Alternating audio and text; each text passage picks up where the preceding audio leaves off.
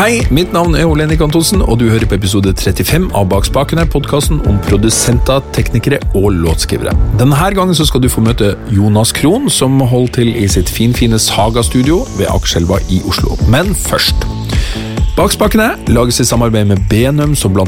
importerer Universal Audio. Og Fram til 31.12. så kan du finne svært mange gode tilbud på Universal Audio.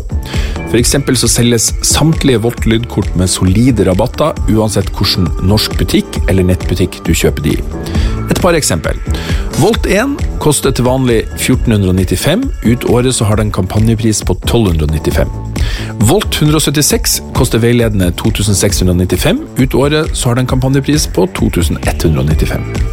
I tillegg til rabatter så får du også UAD-plugins til verdi av 4500 kroner. Tilbudene gjelder fram til 31.12.2022, så her gjelder det å raske på.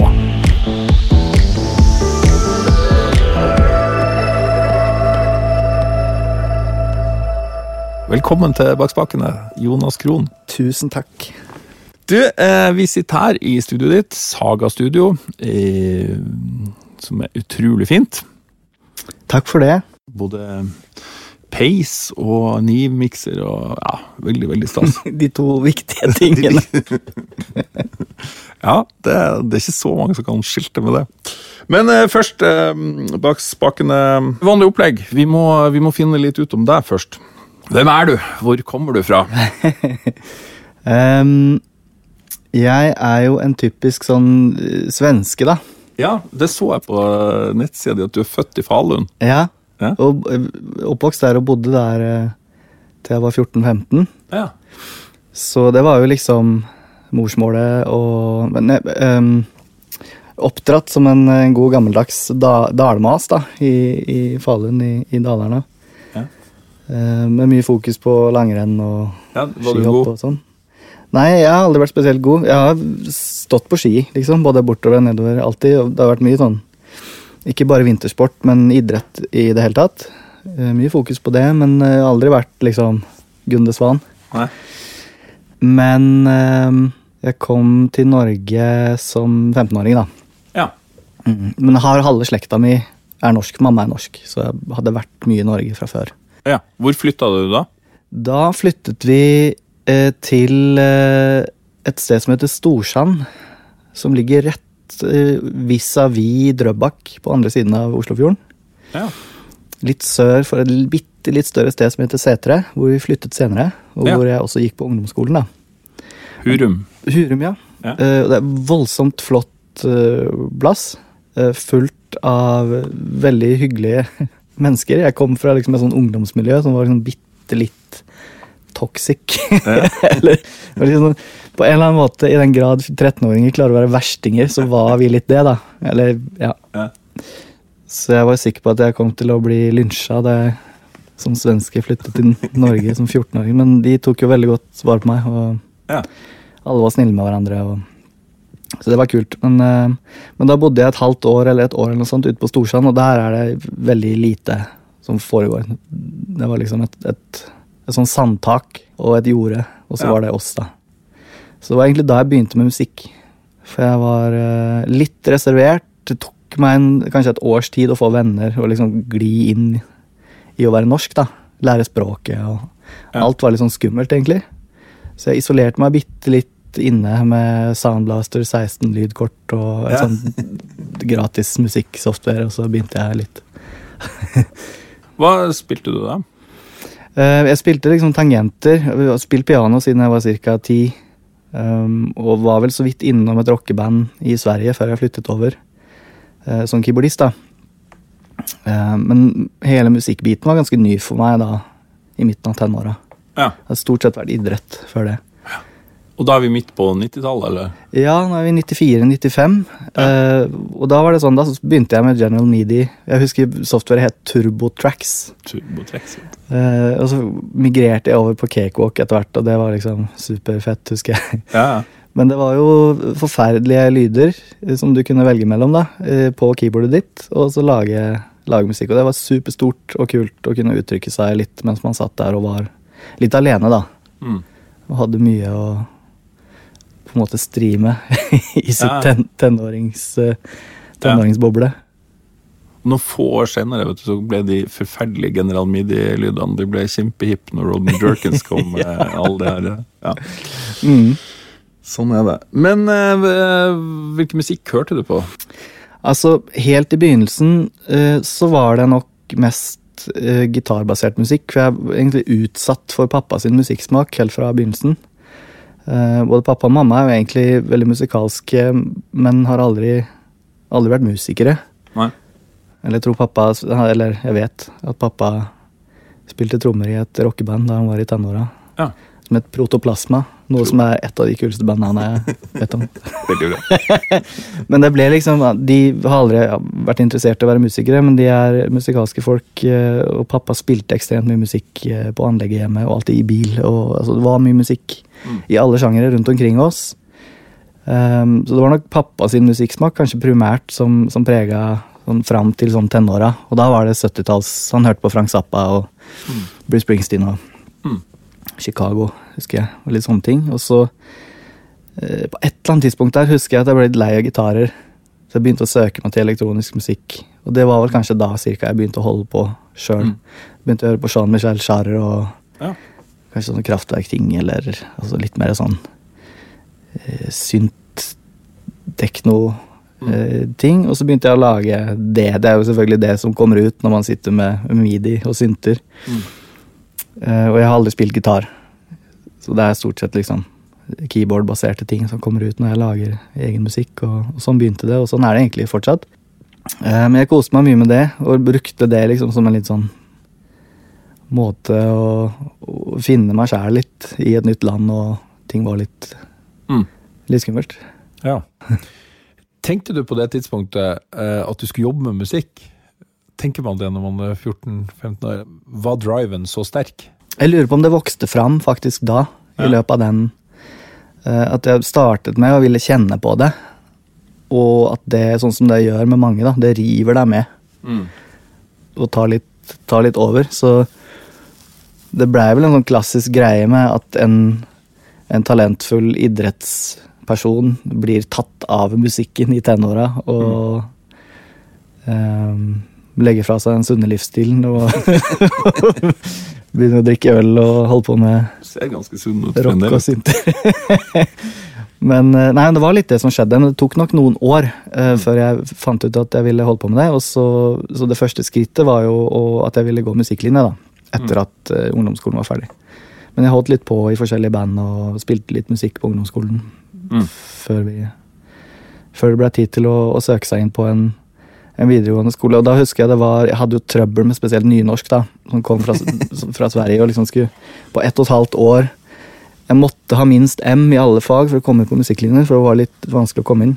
Ja. Og det å få M i nynorsk på ett og et halvt år, det, jeg sleit beinhardt Ja. med å skjønne den jævla nynorsken. Og så fikk jeg G, Ja. Uh, og det raserte egentlig hele mine utsikter for å få lov til å gå musikklinjen.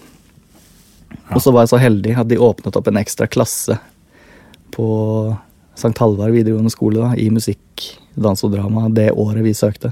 Så plutselig var det dobbelt så mange som kom inn. Kunne egentlig ha kula helt på nynorsken. og- Jeg kunne ha kula.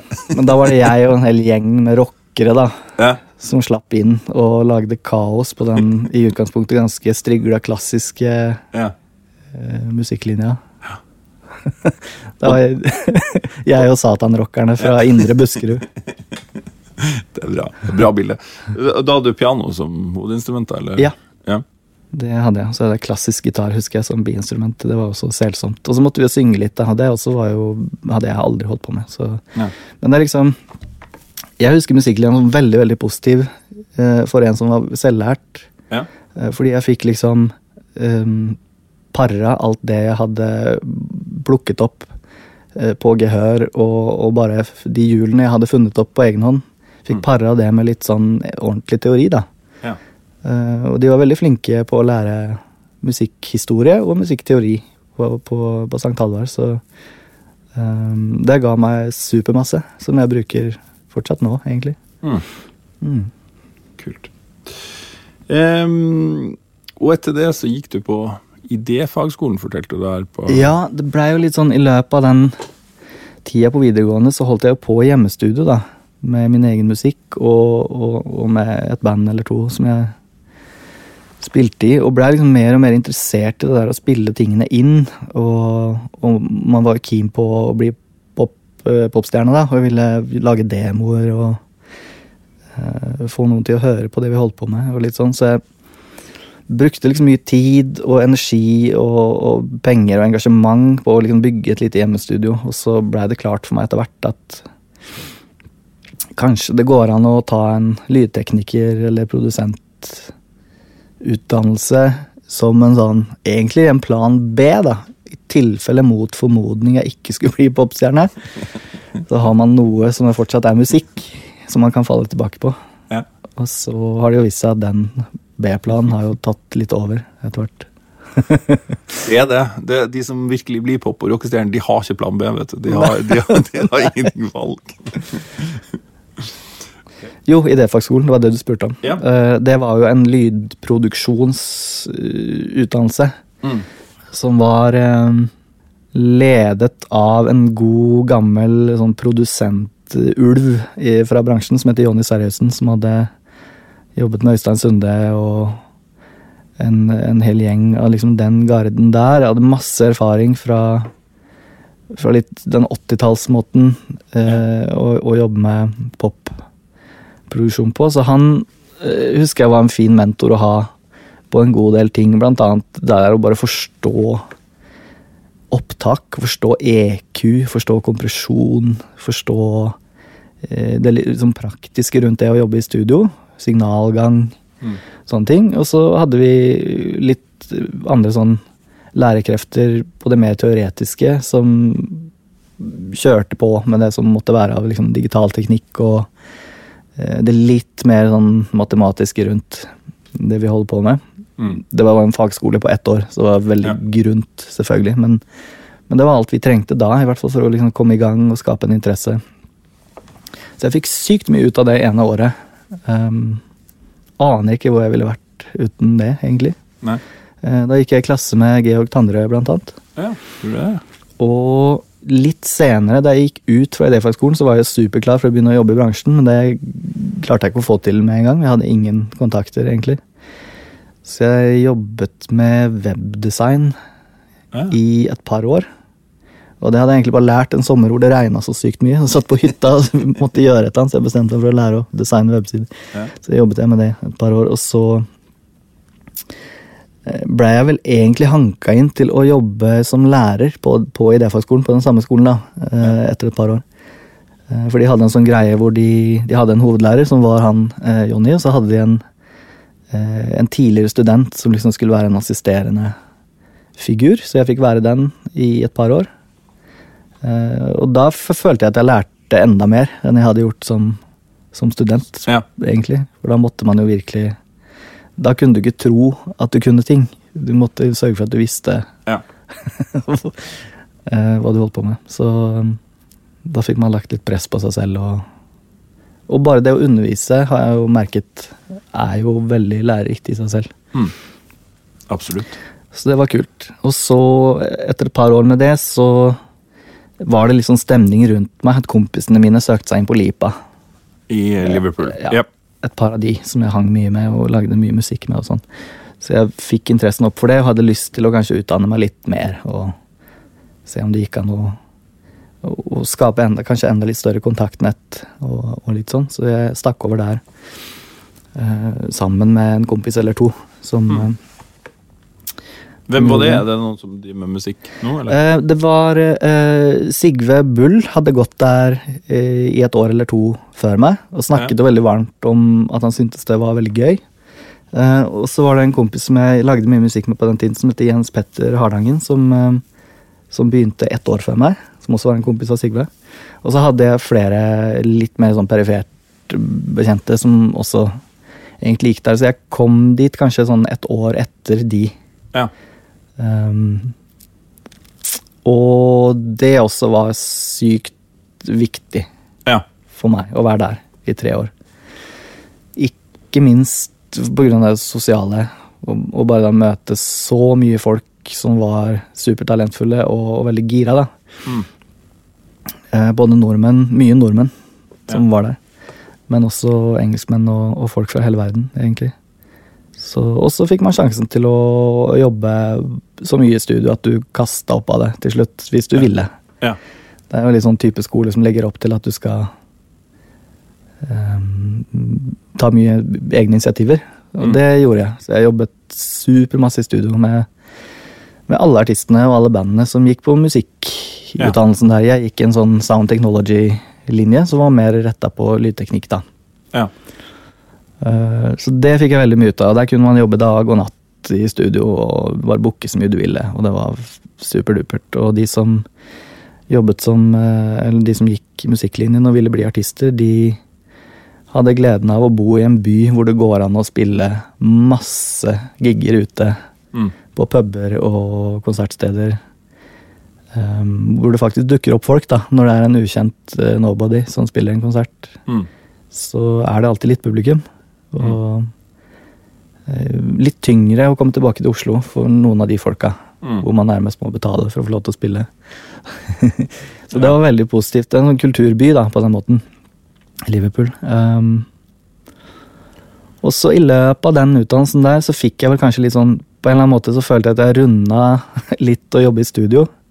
Ja. Uh, Jeg hadde jo selvfølgelig ikke runda noe som helst, men jeg ble på en måte litt mett, da. Og det var da jeg fikk litt interessen opp for å kanskje kombinere den her bakgrunnen jeg hadde fra å sitte på det jordet på Storsand og mekke General Midi, Ja. og ta min egen musikk og bruke det til noe. Eh, og så hadde jo den blitt litt sånn, den var ofte instrumental, den var ofte stemningsfull, den var ofte litt sånn eh, episk, om du vil. Jeg hørte mye på Vangelis og Ja.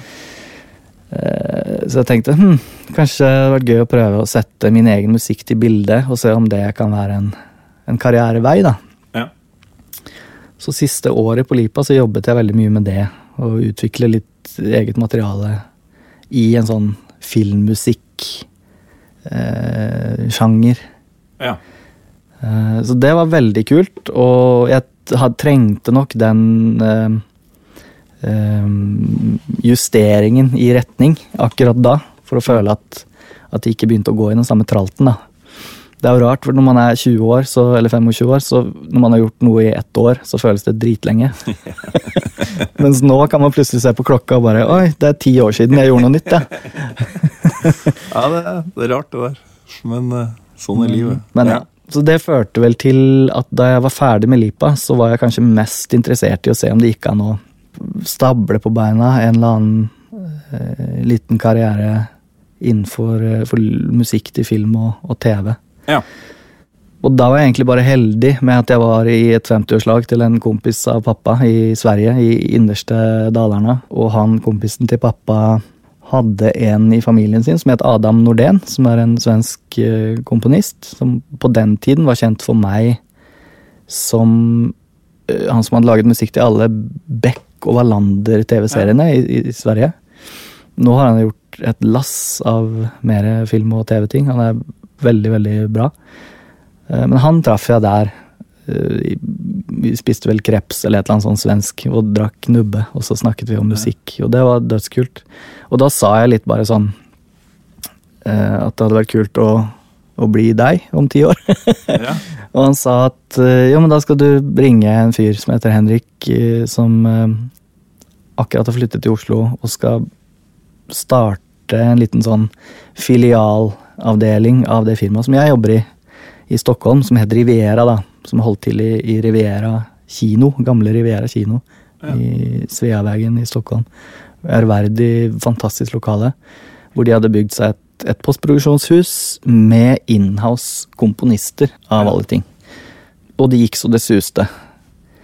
Eh, Og han var vel en av kanskje tre komponister som satt der og, og skrev hele dagen til TV og til film. da. Ja. Um, og så ville de åpne en, um, en dør i Norge, og så sendte de en mann til Oslo. Og, og han dro jeg og møtte. Eh, og da satt han oppe i en gedigen kåk oppe i, i Kruses gate, i lille Frogner allé Ja. på Frogner sammen med Han hadde leid en bitte liten del av, av huset som eh, filmselskapet 4,5 Ja.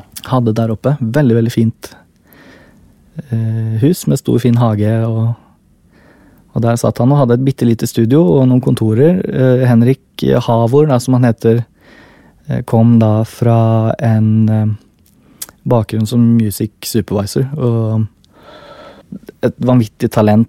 eh, Ti år eldre enn meg, eller vel så det, kanskje. Innenfor eh, klarering av musikkrettigheter til, til film og TV, og kjempestort nettverk. Mm.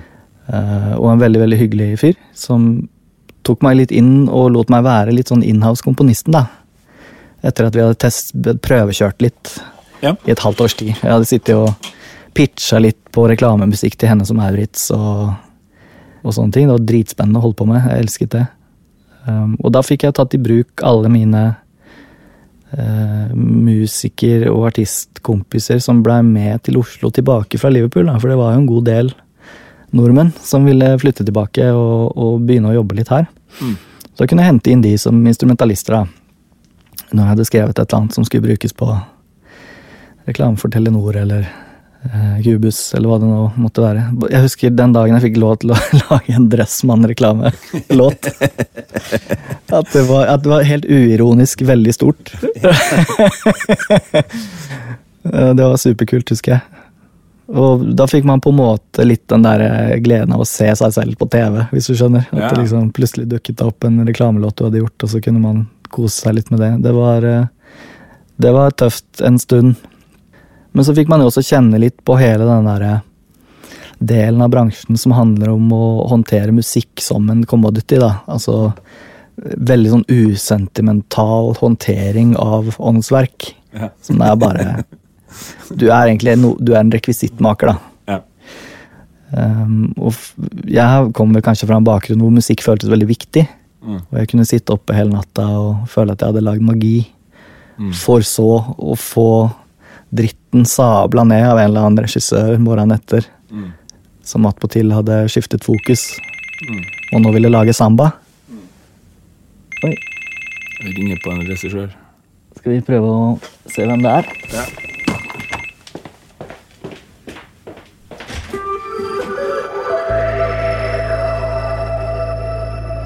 Focusrite har lansert to nye lydkort spesielt beregna på podkast og streaming. Vocaster 1 og Vocaster 2 har henholdsvis én og to mikrofoninnganger med preamper som leverer hele 70 desibel analog gain. Det betyr at hvis du som mange andre skal bruke en skjør SM7B eller lignende mikrofon, så trenger du ikke Cloudlifter. Akkurat nå så spiller jeg inn med Vocaster 2 og Focusrite sin egen mikrofon, som jeg skal fortelle litt om neste gang. Vocaster er svært enkel i bruk med egne dedikerte knapper for mute, lydforbedring og kontroll på frontpanelet. Autogain settes enkelt i den medfølgende softwaren Vocaster Hub, og du kan sende lyden fra showet ditt ut til et kamera på minijack. Les mer hos focusrite.com og hos importør Lydrommet på lydrommet.no.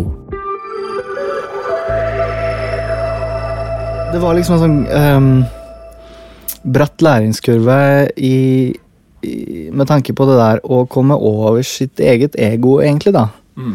At man ehm, øh, I hvert fall jeg var liksom knyttet til mine egne kreasjoner på en måte som blei usunn i den settingen. At jeg blei såra Ja. når det blei ehm, når du, fikk, når du ble avvist og sånne ting. Og det der er jo kanskje eh, det første du må lære å tåle i, i den eh, bransjen. Så jeg brukte kanskje et år på, eller to, på å egentlig synes at det var spesielt festlig å, å bli sabla ned. Eh, Nå syns jeg det er kjempebra. nå elsker jeg det. Nei da, det var nok en grunn til at Det var mange grunner til at jeg etter hvert kjente på at ok, det er jo studiojobbinga, det er jo det å lage plater med artister. Det er som kom litt mer Som hadde litt mer sånn tilknytning til der hvor jeg startet, da, med hjemmestudio og å spille inn musikk. Mm. Eh, At, at jeg kjente på at det er jo der jeg vil være. Um, Det var veldig viktig for meg å smake på hele den her eh, biten med å, å, å skrive musikk på bestilling. Mm. Eh, ikke minst fordi jeg fikk lov til å være innom så utrolig mye forskjellige sjangere. Mm. Og da var jeg fortsatt i en alder hvor hadde eh, enda høyere tanker om min egen fortreffelighet enn det jeg har i dag. Sånn at man turte, det er omvendt proporsjonalt med alder. Det. Så jeg for noen. Man turte å kaste seg ut og gjøre ting man ikke kunne, da. Selv om du visste at det her skal på TV, og det her skal, det her skal være med å bygge merkevaren til Statoil eller Equinor eller hva det het på den tiden. Så du bare var uredd, da. Mm. Uh, og måtte du lage musikk i en sjanger du aldri hadde lagd musikk i før, nei, da researcha du uh, som bare fasan i en uke. Ja. Og så fikk du inn de musikerne som du tenkte naila dette, og så jobba man sammen om noe. Mm. Uh, for å få det så autentisk som mulig, da. og ofte så gikk det jo bra, fordi man turte. Mm. Og det um, har, føler jeg at jeg har liksom tatt med meg i alt jeg har gjort etterpå, selv om det har vært helt andre ting. Så um, selv om man blir eldre og kanskje får litt mer realistisk forhold til hvor mye man egentlig burde klare av, uh, av ting som går utenfor bakgrunnen din og komfortsonen din og litt sånn, så det der med at du kan alltid Du kan alltid bygge et team rundt deg med folk som virkelig har peil. Mm. Og så kan du stå i det og være en slags prosjektleder eller en produsent eh, og trekke i tråder, men du trenger ikke å bære hele lasset sjøl. Eh, du kan jobbe sammen om, om, å få til noe, liksom. Så det var dødskult. Eh, så jeg ville aldri vært foruten de fire-fem årene jeg jobbet med det. Eh, men det kom vel til et punkt Vi var gjennom en finanskrise der også, eh, hvor det blei litt mindre oppdrag. Eh, og hele egentlig økonomien rundt TV, film og reklame dippa litt et sted rundt 2008-2009. 2010, kanskje. Hvor jeg liksom fikk litt sånn derre mulighet til å tenke på ok Skal jeg fortsette å lage Dressmann-reklamer lenge? Mm. jeg hadde også fått sjansen på å komponere musikk til en spillefilm. Og gjort noen scener til en del andre filmer. Ja. Hvilke filmer hadde du hadde jobbet med? Jeg skrev musikk eh, som komponist på en film som het Yatzy i Kan det ha vært 2009, eller ja. noe sånt? Eh, den var veldig lærerik og, og, gøy. Og traumatisk opplevelse. Um, og så fikk jeg produsere og komponere scener, litt sånn løs denne scenen type oppgave, på en haug av andre ja. norske filmer. Og det var veldig, veldig, veldig lærerikt. Og jeg tror det var bra for meg å komme inn i et miljø som var så fullt av sterke kunstnerpersonligheter og store egoer som ja. det eh, filmproduksjon er. da og virkelig bare kjenne på det der at hvis du skal ta med noe ego inn i dette, så da bør du ha rett. Fordi her er det så fullt av ego allerede. Og her Altså, det var sånn Jeg opplevde det Jeg er ganske konfliktsky type. Jeg vil helst at alt skal være harmonisk og kult hele tiden. Så det å gå inn i en bransje hvor jeg følte at modus operandi nærmest var konflikt, mm. Og at det ikke ble sett på egentlig som noe negativt, det ble sett på noe som genererte stor kunst. Ja. Og det er nok riktig på, på et plan. Men for meg så var det Jeg kjente at det var noe som gnissa litt med det og min personlighet. Så det var nok også en bidragende en årsak til at jeg søkte meg ut etter, etter hvert. da. At jeg ville ikke gå på jobben og krangle hver dag. Men nå, altså de som jobber med, som filmmusikkomponister i dag, jeg har flere gode venner som gjør det helt fantastisk innenfor dette. De lever, kommer jo til å le av meg når jeg sier dette her, for de har selvfølgelig kommet langt, langt forbi det punktet. Og det blir litt som at jeg sier til deg som har eldre barn, at uh, min toåring er så slitsom. Da kan du le av det, liksom. Nei, det har, det har faktisk alle Men jeg hoppet jo da av før jeg egentlig kom over den kneika. Uh, og jeg har såpass Jeg klarer å se det, liksom. Men, uh, men der hvor jeg landet, da, i, i musikkproduksjon, i studio, som lydtekniker, uh, opptakstekniker og kanskje etter hvert eh, litt spissa som mikser etter hvert, at det, det føles veldig meg, og føles veldig bra. Og jeg går på jobben og gleder meg veldig. Mm. Og det er ikke så mye det koster ikke så mye mentalt å holde på med dette her Nei. nå som det jeg følte at det gjorde da. Jeg skulle spørre hvordan mentaliteten var på det i England. For jeg jobba mot England noen år. Jeg jobba i et selskap i Norge der man jobba veldig mye mot England, og som var helt brutalt. Eh, og, og det var jo akkurat det samme som du beskriver, da. Det er jo alltid sånn når du har laga noe som du er stolt av, det her er en bra låt, og så blir det bare sånn mm, slakta. Og så er det selvfølgelig Det er ikke helt ræva, men, men 80% er ikke nok. Eller 90 er kanskje ikke nok. Eh, Nei, ofte så kan jo noe være bra, Ja, men feil. ja ikke sant? Det er som en eksamensbesvarelse hvor du bare lirer av deg en fantastisk greie, og så har du ikke svart på oppgaven. Nei. Det kan jo også være situasjonen. Mm. Eh, Men jeg følte ofte at det handla om at uh, uh, målskiva flyttet seg da, Ja. underveis som du jobba. At du hadde fått beskjed om å, Ja. å gjøre én ting, å lage musikk i én sjanger etter én referanse.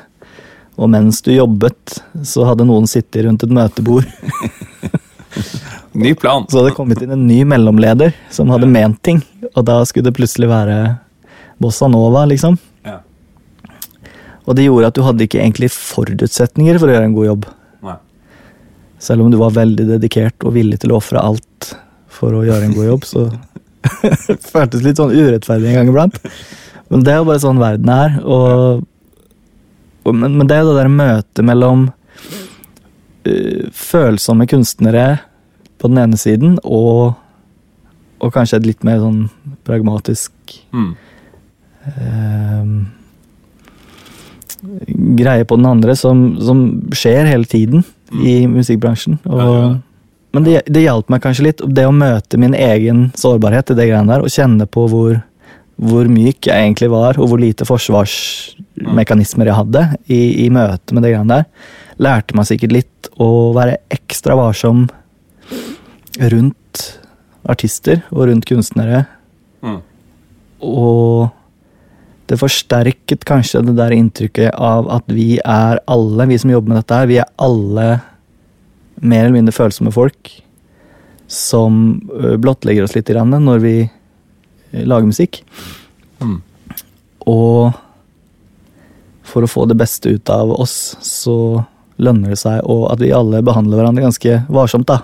Mm. Passe litt på hvor vi tråkker, og, og prøve å spille hverandre gode. Trekke albuene inn. Ja. Men eh, og det er noen steder så kan man det, andre steder så kan man det ikke. Mm. Eh, For min del så tror jeg det var sånn at jeg ble litt tjukkhuda, og, Mm. og at det var greit. For, Mm. Forhåpentligvis var jeg ikke så ille mot alle rundt meg. Mm.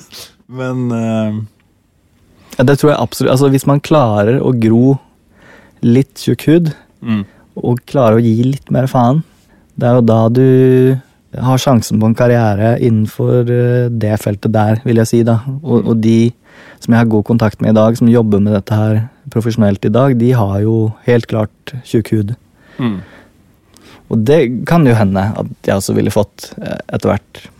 Men uh, det fantes noe der ute som føltes enda bedre, på en måte. Ja. Så da søkte du mot uh... Da søkte jeg mot studio, og så fikk jeg en sjanse da i slutten av 2011, så um, var det vel Da skulle Arvid Solvang flytte ut fra, fra studio som han hadde hatt i Skippergata. Ja, Via Gram, lurte jeg på om han kalte det. han kalte det Jeg vet du, han har gjort Maria Mena der en del, og litt Ja. Kristel Alsås, og mener at han har gjort en hel haug av, av ting for Sony, i hvert fall. Ja, han og gjorde- han gjorde veldig bra. med Men mye ting. For Sony, tror jeg. Mm. Ja. Eh, Men han eh, skulle videre, og så ble det lokalet eh, tomt. Og så var det Sigve, da, som jeg hadde kjent fra, fra før, og som jeg gikk glipp av sammen med, som tok over egentlig hele adressen der. Og, begynte å hanke inn folk i de forskjellige studioene for å lage et slags kollektiv. Så da tok jeg sjansen, og så hoppet jeg inn der, da, i det rommet som Arvid hadde hatt. Eh, Det var det hovedrommet, liksom, i an, Ja. andre Blir det andre etasje, eller? Det var andre etasje, ja. Stemmer. Og i i etasjen rett under så lå det et mindre studio, hvor jeg tror kanskje Chris Sansom satt en stund. Ja, jeg lurer på om Før han flytta opp på Propeller, så tror jeg han satt Ja. Ja. Uh, også, men hele huset var jo fullt av studioer. Det var jo en labyrint av, uh, Ja. av rom der. Men, men det var liksom en superskummel endring, for det er jo egentlig sittet med fastlønn og en bonusordning.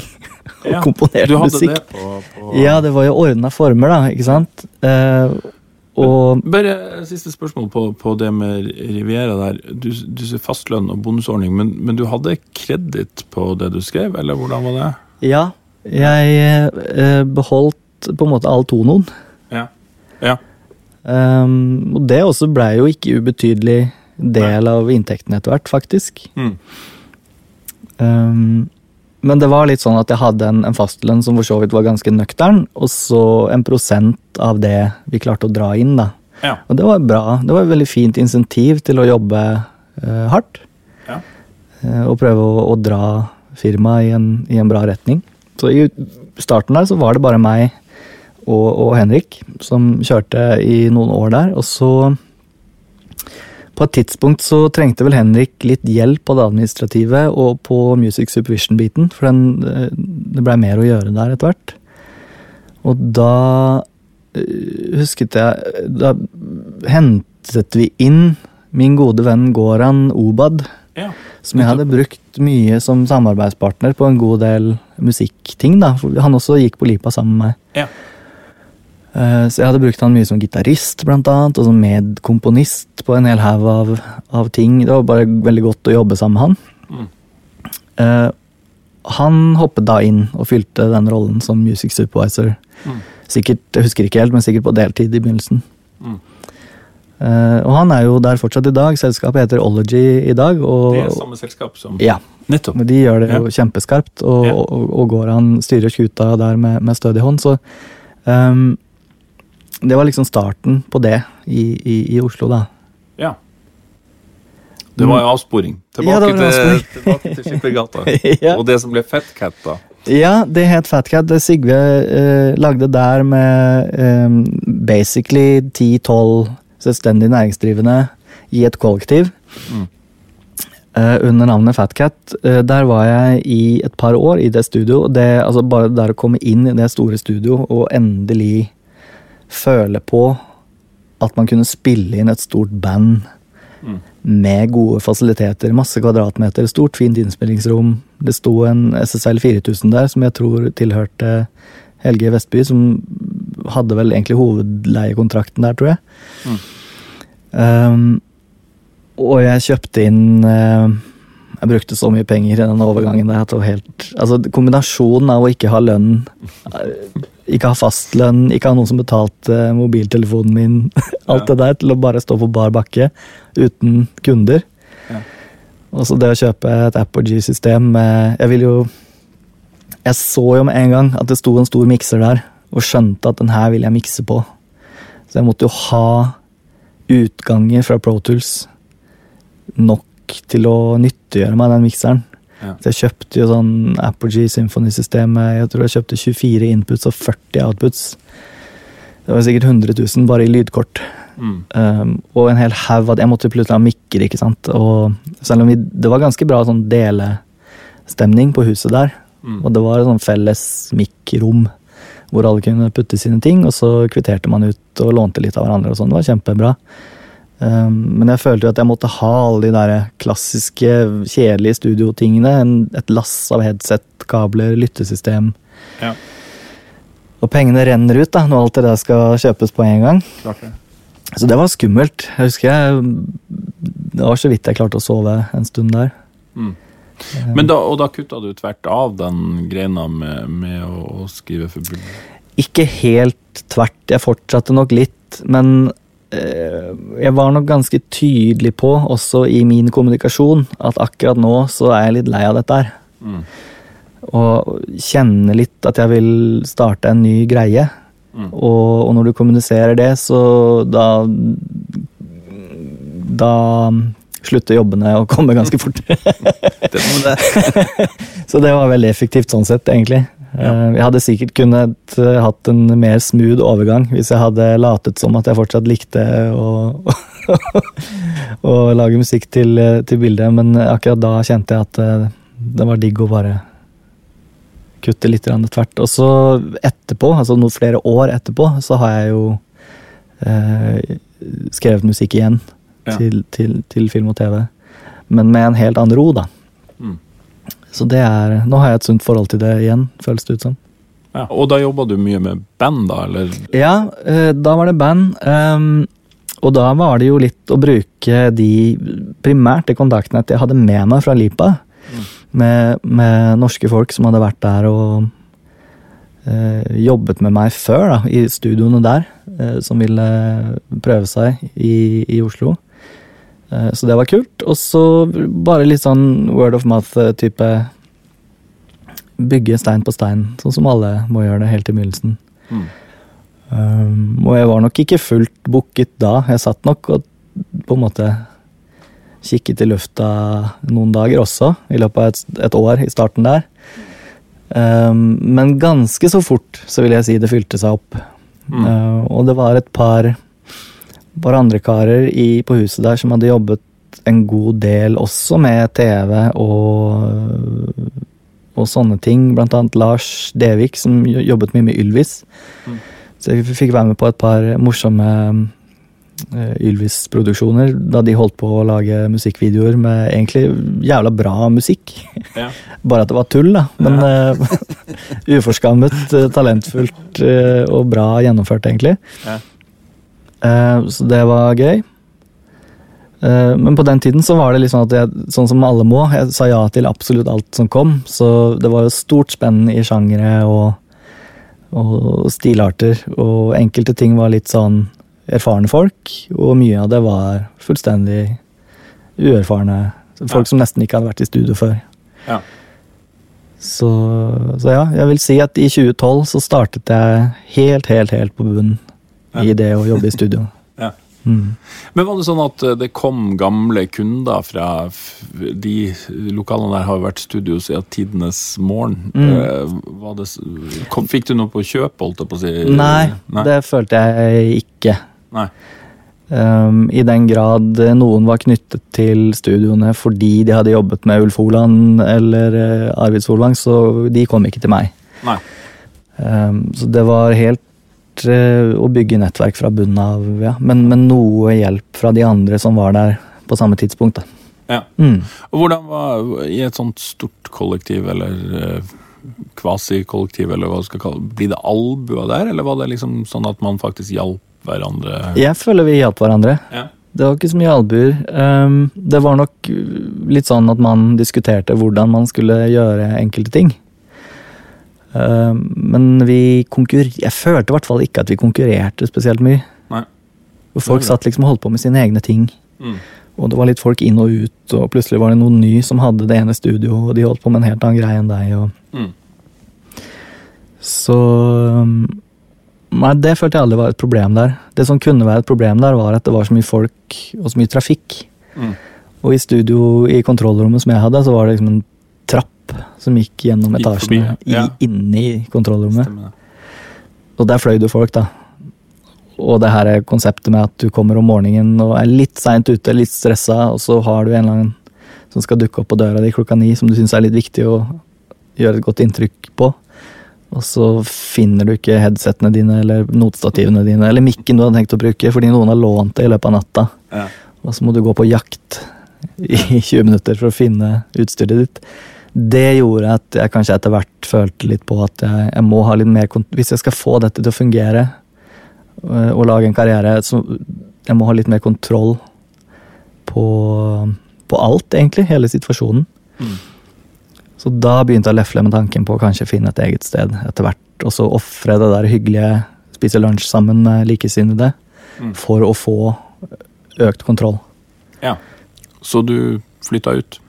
Jeg flyttet ut i 2014. 1. januar 2014 så flyttet jeg inn her hvor vi sitter nå, Ja. i Mølleparken. Um, samme kåken som propeller, på Elvesiden, da. Ja. Hvor det plutselig åpnet seg opp et lokale som, som er kjempefint, uh, og som kom litt eh, som ly- lyn fra klar himmel. Jeg hadde sett på mye alt mulig, sånn som alle gjør som ser etter studio i Oslo. At man ser jo på ymse, diverse uegnede lokaler for å prøve å finne et eller annet som, som krysser av alle boksene for oss som skal drive studio. da. Man skal liksom ikke plage noen, og man skal ikke bli plaga av noen. Og det skal være stort nok og høyt nok i taket, og det er så mye. Ja. Så jeg hadde egentlig mista litt håpet, og tida rant litt ut. Og jeg måtte ut i juni eh, 2013, eller noe sånt. Um, og så dukket dette opp, og jeg bare tok det med en gang.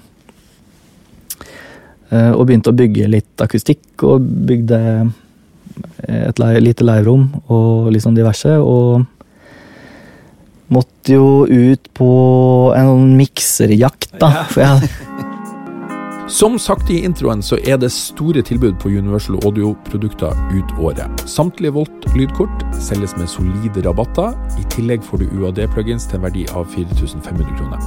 For når du kjøper et Volt lydkort eller en Studiopack i løpet av dette året, så får du med en Teletronics LA2 Classic Leveler Collection, som har tre utgaver LA2. Grey, silver og ordinær, selv om det er ingenting med LA2A-pluggen til UA som er ordinært. Den er helt fantastisk. I tillegg får du også Pure Plate Reverb.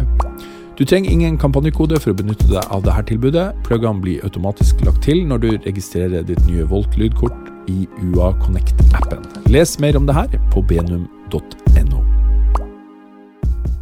jeg hadde jo dessverre blitt så godt vant med den der SSL-en som sto i, i det studio i Fatcat, og følte at jeg fikk så mye igjen for å mikse på den. Én ting var jo å bruke den i opptak, som var veldig kult, med, med kule rocka preamper og en helt sykt fet EQ på vei inn uh, Mm. på ting. Men uh, bare det å stemme ut en miks på 40 outputs, kjøre det gjennom mikseren ehm, og hente det tilbake inn på to spor i Pro Tools, følte jeg det låt så mye større da, enn jeg klarte å gjøre med de pluginsene som var tilgjengelige i 2012, i hvert fall. At jeg bare, når jeg kom hit, så tenkte jeg at det ville være et skritt tilbake hvis jeg ikke har en stor mikser her. Så Mm. da eh, heiv jeg meg ut på mikserjakt og fikk etter hvert eh, napp på den Niven som står her i dag, da. Ja. Som er av ca. samme størrelse. Det er 48 kanaler på denne her. Eh, og det her er jo en Niv VR 48, som den heter nå, som liksom er det bordet som AMS Niv designet på 80-tallet for å konkurrere med SSL 4000. ja. Hvor, eh, hvor kom den fra? Jeg kjøpte den fra Funky Junk i, i London, som uh, hadde restaurert den. Og de hadde kjøpt den fra et filmstudio i, i London som heter Pinewood Studios. Ja. Eh, og der sto den i en orkestertracking-suite. ja. Så det var stort sett filmmusikk eh, og orkester som ble spilt inn på denne. Og da var den dobbelt så brei, den var 96 kanaler stor, og patchen som jeg har fått med her, da, er fortsatt Du ser på labelinga at det er liksom Alt er basert på 96 inputs. Mm. Og, men de, de skjønte vel sikkert De skulle bytte ut mikserne i alle studioene sine. eh, og Funky Junk som kjøpte dette her, skjønte vel at de fikk jo ikke solgt en sånn en. Syv meter brei eller noe sånt. Så de sagde den i to. Det er heldigvis enkelt å gjøre med disse mikserne her. Da. De er jo helt modulære. Så Mm. de sagde den i to, satte inn en ny senterseksjon på, på den andre biten, og så lagde de fine tre rammer rundt og solgte det som to miksere. Så Ja. Fikk jeg liksom den ene av de. Og den fordelen med at den hadde stått i Pinewood, var at den hadde blitt ekstremt godt tatt vare på. Ja. For der var det jo nærmest sånn menn i hvite frakker-stemning helt ut på, på 90-tallet. ja, ikke sant? Så de hadde en, en veldig, veldig bra eh, maintenance-person som heter eh, Pete Higgs. Som passet på denne konsollen regelmessig mens den sto i Pinewood. Og han ble med hit og installerte den her. Ja. Og har vært her et par ganger etterpå og recappa og litt sånn. Det er jo som å ha en gammel bil. Hvor, ja, hvor mye um, Hvor gammel bil er det, holdt jeg på å si? Altså, hvor, hvor mye um, den er jo Altså, akkurat den konsollen her har jo en liksom historie med at den eh, I og med at den skulle være en SSL 4000-killer på midten av 80-tallet en eller annen gang, så proppa de den jo full med elektronikk. Der, hvis du åpner opp en sånn uh, stripemodul her, så er den tett, tett, tett, tett pakka med elektronikk Mm. som blir veldig varm. Mm. Uh, og hvis du sammenligner med SSL, eh, en SSL 4000 som er litt enklere uh, bygd opp, så skulle jo Niv på en måte prøve å bevare den herre tunge, heftige transformatorbaserte Niv-lyden. Ja. Ja. Samtidig som du skulle ha alle bells and whistles med gate og kompressor på alle kanalene. Som man måtte ha for å konkurrere med SSL 4000. Ja. Og det medførte vel egentlig at det blei så mye elektronikk i hver stripe at uh, varme Den genererte så mye varme at den uh, tok livet av sine egne kondensatorer. Ja. Fordi kondensatorene som satt i den originalt, tålte ikke så mye varme som det eh, de kondensatorene man får kjøpt i dag, uh, gjør. Nei. Så jeg tror de hadde en sånn maintenance-helvete, hvor de måtte trekke tilbake en god del Ja. konsoller, og sikkert masse garantigreier. Hvor eh, store studioer hadde kjøpt disse mikserne, og så døde de på de i løpet av de neste tre-fire årene, liksom. Ja. Og så fikk Niv et kjempeproblem. Det er i hvert fall den historien jeg har fått servert. Eh, og det er også en av grunnene til at disse konsollene er relativt rimelige å kjøpe i dag, fordi folk er fremdeles redd for maintenance-biten ved de. Ja. Med til dels god grunn Mm. vil jeg si. Nå er jo, I og med at Funky Junk eh, kjøpte opp denne her og restaurerte den og puttet nye Panasonic eh, eh, caps i den, da, som tåler 10 eller 20 grader høyere temperatur enn de originale, Ja. så er den i mye bedre stand og dreper ikke seg selv riktig så fort. Nei. Og i tillegg så installerte de åtte kjempestore vifter på baksiden her. Som egentlig er sånn PC-viftesystem Ja. med, med en kontrollenhet, så du kan velge litt hvor fort de går, og du kan skru de av hvis du ikke vil at de skal bråke når du tar opp og litt sånn. Mm. Så klarer den konsollen seg veldig, veldig bra. Eh, Så jeg har vel i løpet av de syv-åtte årene jeg har eid den, så har jeg hatt Pete her to eller tre ganger. ja. Men den er avslått nå. Er det strømprisen som Ja, nå, nå har jeg vært på juleferie og øh, registrerte på sist strømregning at det koster relativt mye å ha den skrudd på. Eh, dels fordi den trekker mye strøm i seg selv, og dels fordi den blir så varm. Både mikseren og strømforsyningen som står ute i maskinrommet, blir så varme at man bør helst ha en aircondition i hvert av de rommene da, som Mm. står og kjøler ned litt. Ikke så mye om vinteren, men i hvert fall om sommeren. Ja. Jeg får 35 grader her om jeg ikke har de på, liksom. Ja. Ehm, så samla sett så, så blei det ganske heftig dyrt nå. Så nå har jeg skrudd den av i juleferien, og akter å ha den skrudd av til neste gang jeg skal eh, spille inn et band, som er eh, ja, egentlig i slutten av denne uka, så det er ikke så mye. Men eh, Må si da at vi snakker sammen 3. januar. Det, det kan være lenge til det her skal på, på, på lufta. ja, ja, men det, jeg kjente litt på den, altså. Ja. Hvordan er det å slå den av? Uh, mange sånne miksere er jo litt uh, Eller det er mye elektronikk. Uh, Ja, altså selve prosedyren er ikke så komplisert. Jeg husker det å skru av den SSL 4000 var litt sånn du måtte klatre under og være litt bilmekaniker og Ja, sånn, finne de riktige switchene og sånn. Det er veldig enkelt på den her, men grunnen til at den står på hos meg hele året i utgangspunktet, er at uh, de gangene jeg skrur den på, så er det stor fare for at et eller annet ryker. Mm. Litt som når du skrur på en lyspære som har vært skrudd av lenge. Det er da den, det er da den ryker. Det er, du ser det på Hvis du måler strømmen akkurat idet du skrur den på, så er det et helt vanvittig ja. Hvor, hvor mye drar den i effekt? Vet du det? Jeg er litt usikker, men noen sa 2500 watt i ren varme, nesten. da. Det er som å ha en sånn Ja. en panelovn. Og sånn sett er det jo greit. Jeg sparer jo tilsvarende sum på oppvarming her. Men det eh, så lenge du skal varme opp, så er det ja, om sommeren så er det jo ren, en ren kostnad, da. Ja. Mm. Det var mikseren, men eh, vi må snakke litt om studioet sånn ellers. Altså, det er utrolig flott, må jeg si.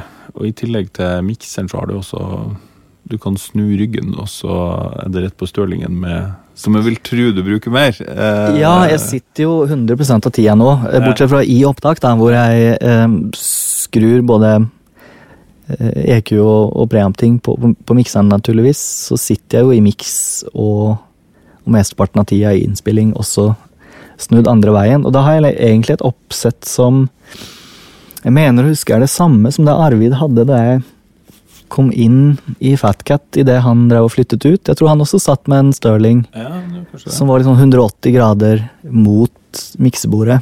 Ja. Eh, Og det funker egentlig veldig bra. Um, alt er tilgjengelig, alt er ganske ergonomisk.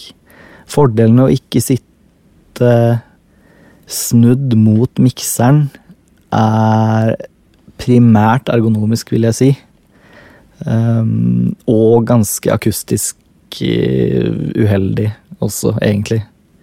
Det er, eh, det måler helt sinnssykt mye flatere, dette rommet. Mm. Eh, hvis jeg sitter snudd andre veien og ikke har den gedigne, harde flata foran meg, som den mikseren her. Det er noe med vinkelen, og jeg tenker kanskje at man kunne klekket ut en litt mer fordelaktig vinkel, rent sånn akustikkmessig, men eh, men, eh, men hva vet jeg? Det, jeg bare ser hva som skjer når jeg tar en måling på, på den siden av, av rommet. At det er, ikke, det er ikke så fordelaktig. Men det er også fordi da står gjerne høyttalerne på meterbridgen, og Ja.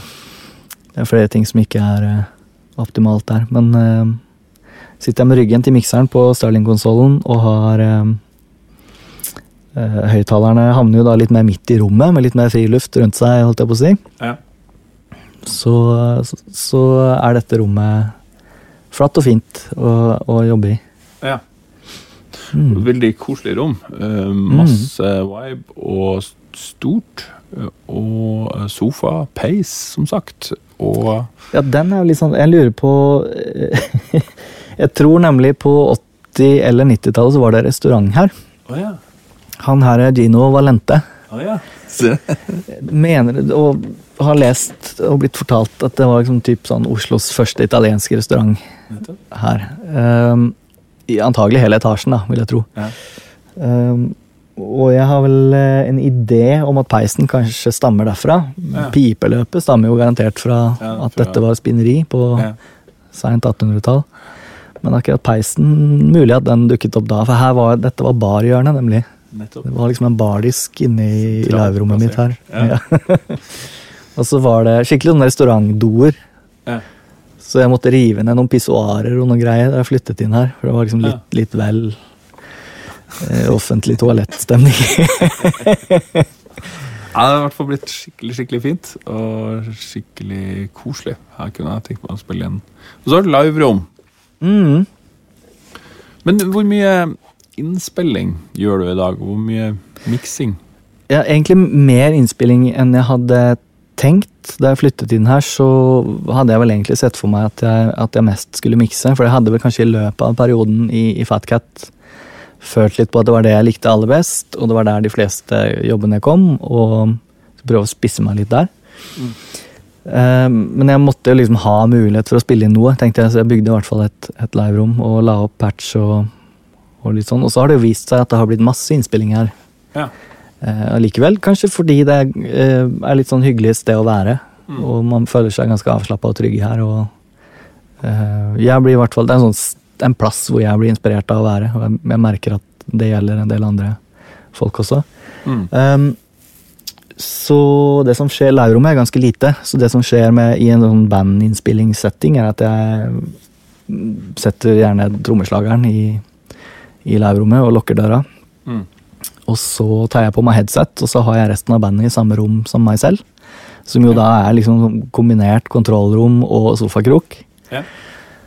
Uh, og det funker kjempebra, og, og jeg er egentlig veldig glad i den settingen hvor jeg og bandet er i samme rommet. Mm. Det blir veldig direkte kommunikasjon av det, og vi slipper den der barrieren som liksom er kontrollrom, og så et vindu, og så liverom. og Mm. Eh, alltid vært, vært glad i den måten å spille inn på. Og så har jeg lagt opp patch eh, på dass. Yeah. Eller i, på rommet, rommet utenfor toalettene, da, hvor man har vaske... Yeah. Der eh, har jeg en patch hvor jeg kan sette amper yeah. og litt sånn, for å bli kvitt høy lyd i dette rommet. Mm. Eh, og med de kombinasjonen av, av de tingene der, så har jeg fått gjort masse, masse bandting her, som har fungert veldig bra. Og til, eh, til trommer så er det rommet superkult. For jeg lagde bare live-rommet helt, helt, helt tørt. Ja. Og ikke bare sånn tørt eh, over 1000 hertz, liksom, men det er tørt ned i 50 hertz. Ja. Så det er veldig sånn kontrollert og tight. Mm. Hvis man vil ha den type trommer, så passer det sykt bra. Alt fra sånn Beatles til Steely Dan-type trommer. Og så hvis man vil ha Led Zeppelin, så må man fram med noe med noe jukseklang, da. Fins et par eh, det funker fint. Um, det fins også et rom lenger nede i etasjen her som har sånn der bua støpejerntak. Det ser ut som en gammel sånn britisk eh, jernbane... Ja. Harry Potter jernbanestasjon. ja. Som jeg fikk lånt en gang da den forrige leietagen flyttet ut. Og så var det en måneds tid hvor det sto ledig før neste leietager flyttet inn. Um, og jeg dessverre ikke hadde penger sjøl til å leie dette på permanent basis. Det burde jeg selvfølgelig gjort. Men da fikk jeg tatt opp Henta inn en trommis med et flott trommesett, og så fikk jeg tatt masse trommesamples. For det var et rom som hadde en helt enorm akustikk, da. ja. Eh, så de bruker jeg stadig vekk ja. til å eh, Hvis man vil ha den type trommelyd som det. ja. Da, det er i hvert fall um, Det er jo alltid gøy når man bruker samples, at det ikke er de samme samplesene som alle andre. Nei, ikke sant. Det er noe med det. Så, så det er litt sånn der um, Det er en blanding mellom innspilling og, og miks? Ja, jeg vil nok si Hvis du regner ut på et år, så mikser jeg nok kanskje 70% av tiden. Ja. Eh, Kanskje mer enn det også, enkelte år. Men, eh, men det er en, en god porsjon med innspilling og, og litt produksjon eh, og låtskriving til dels også her, fordi det er et godt sted å, å jobbe, da. Godt sted å være. Mm. Men så ser jeg også at det jeg kanskje får mest jobber på de siste årene, har, har vært, har vært miks, sånn i Mm. ren mengde. Ja. Mm. Og da jobber du Du, du sa du stemma ut på, på SSL-en og, og her etterpå. Gjør du det fremdeles, eller? Uh, I dag gjør jeg ikke det lenger, Nei. med mindre jeg jobber i helt spesifikke sjangere. Hvis jeg skulle gjort uh, gitarbasert poprock i dag, Ja. hvis jeg skulle gjort The War on Drugs, liksom, Ja. så hadde jeg gjort det. Da hadde jeg og, da hadde jeg faktisk snudd meg faktisk, og miksa på mikseren på den gamle måten. Ja. Men det aller meste jeg gjør, er kanskje litt mer pop i retning elektronikk blandet med organiske elementer, sånn som popen låter i, i dag.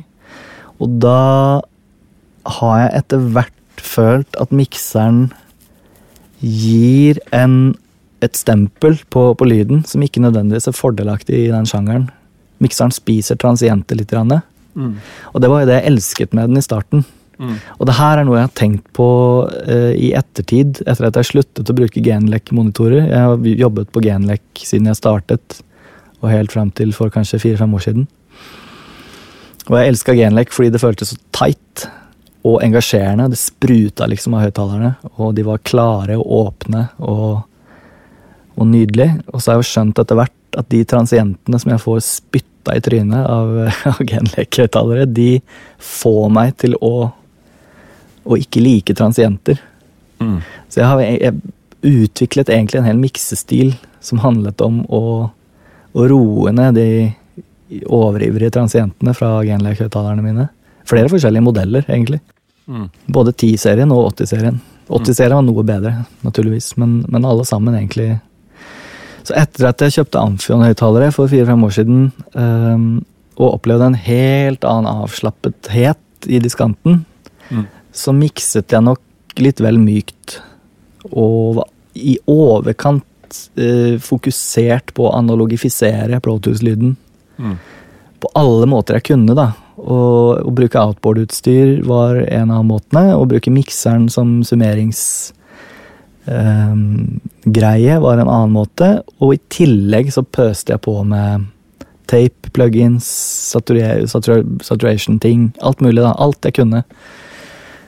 Eh, og så etter hvert så begynte jeg å kjenne på at de poptingene jeg gjorde, hadde litt for mye glu og litt for mye varme og litt for mye av alt det som jeg egentlig følte var bra ting. Men på bekostning av punch og direkthet og råskap Mm. og det som ligger i, i, i starten på alle lydene, da. Mm. Som jeg pusset ned i Ja. litt vel stor grad. Um, og i forlengelsen av den reisen der, så har jeg vel egentlig blitt mer selektiv i når jeg bruker mikseren i miks. Mm. Og det er stort sett på, på ting som som virkelig har godt av den soniske eh, fotavtrykket, da. Mm. Som jeg føler er, er mer rocketing, kanskje. Og, Mm. og i hvert fall ikke den mest kommersielle popmusikken som helst skal være snappy og, eh, og ha transientene intakt. Da sitter jeg mer i boksen. Eh, Og i en overgangsperiode så brukte jeg fortsatt en del outboard-utstyr, spesielt på vokalen. Det tok lang tid. Det her begynte jeg med for et par år siden, å se om jeg kunne klare meg i boksen.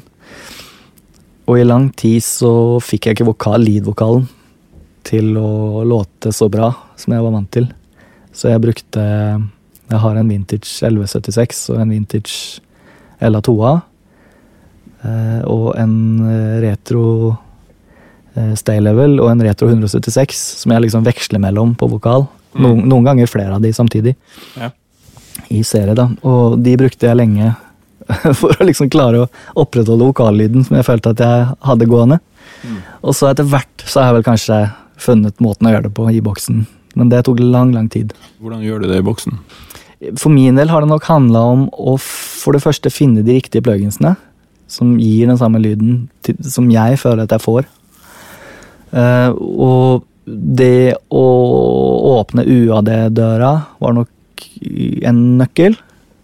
Eh, for jeg syns at 1176-en til UAD, kanskje i tillegg til Waves sin CLA 1176, er kanskje de eneste 1176-ene jeg noensinne har brukt i boksen som låter tilnærma det jeg er vant til å høre fra hardware 1176-en.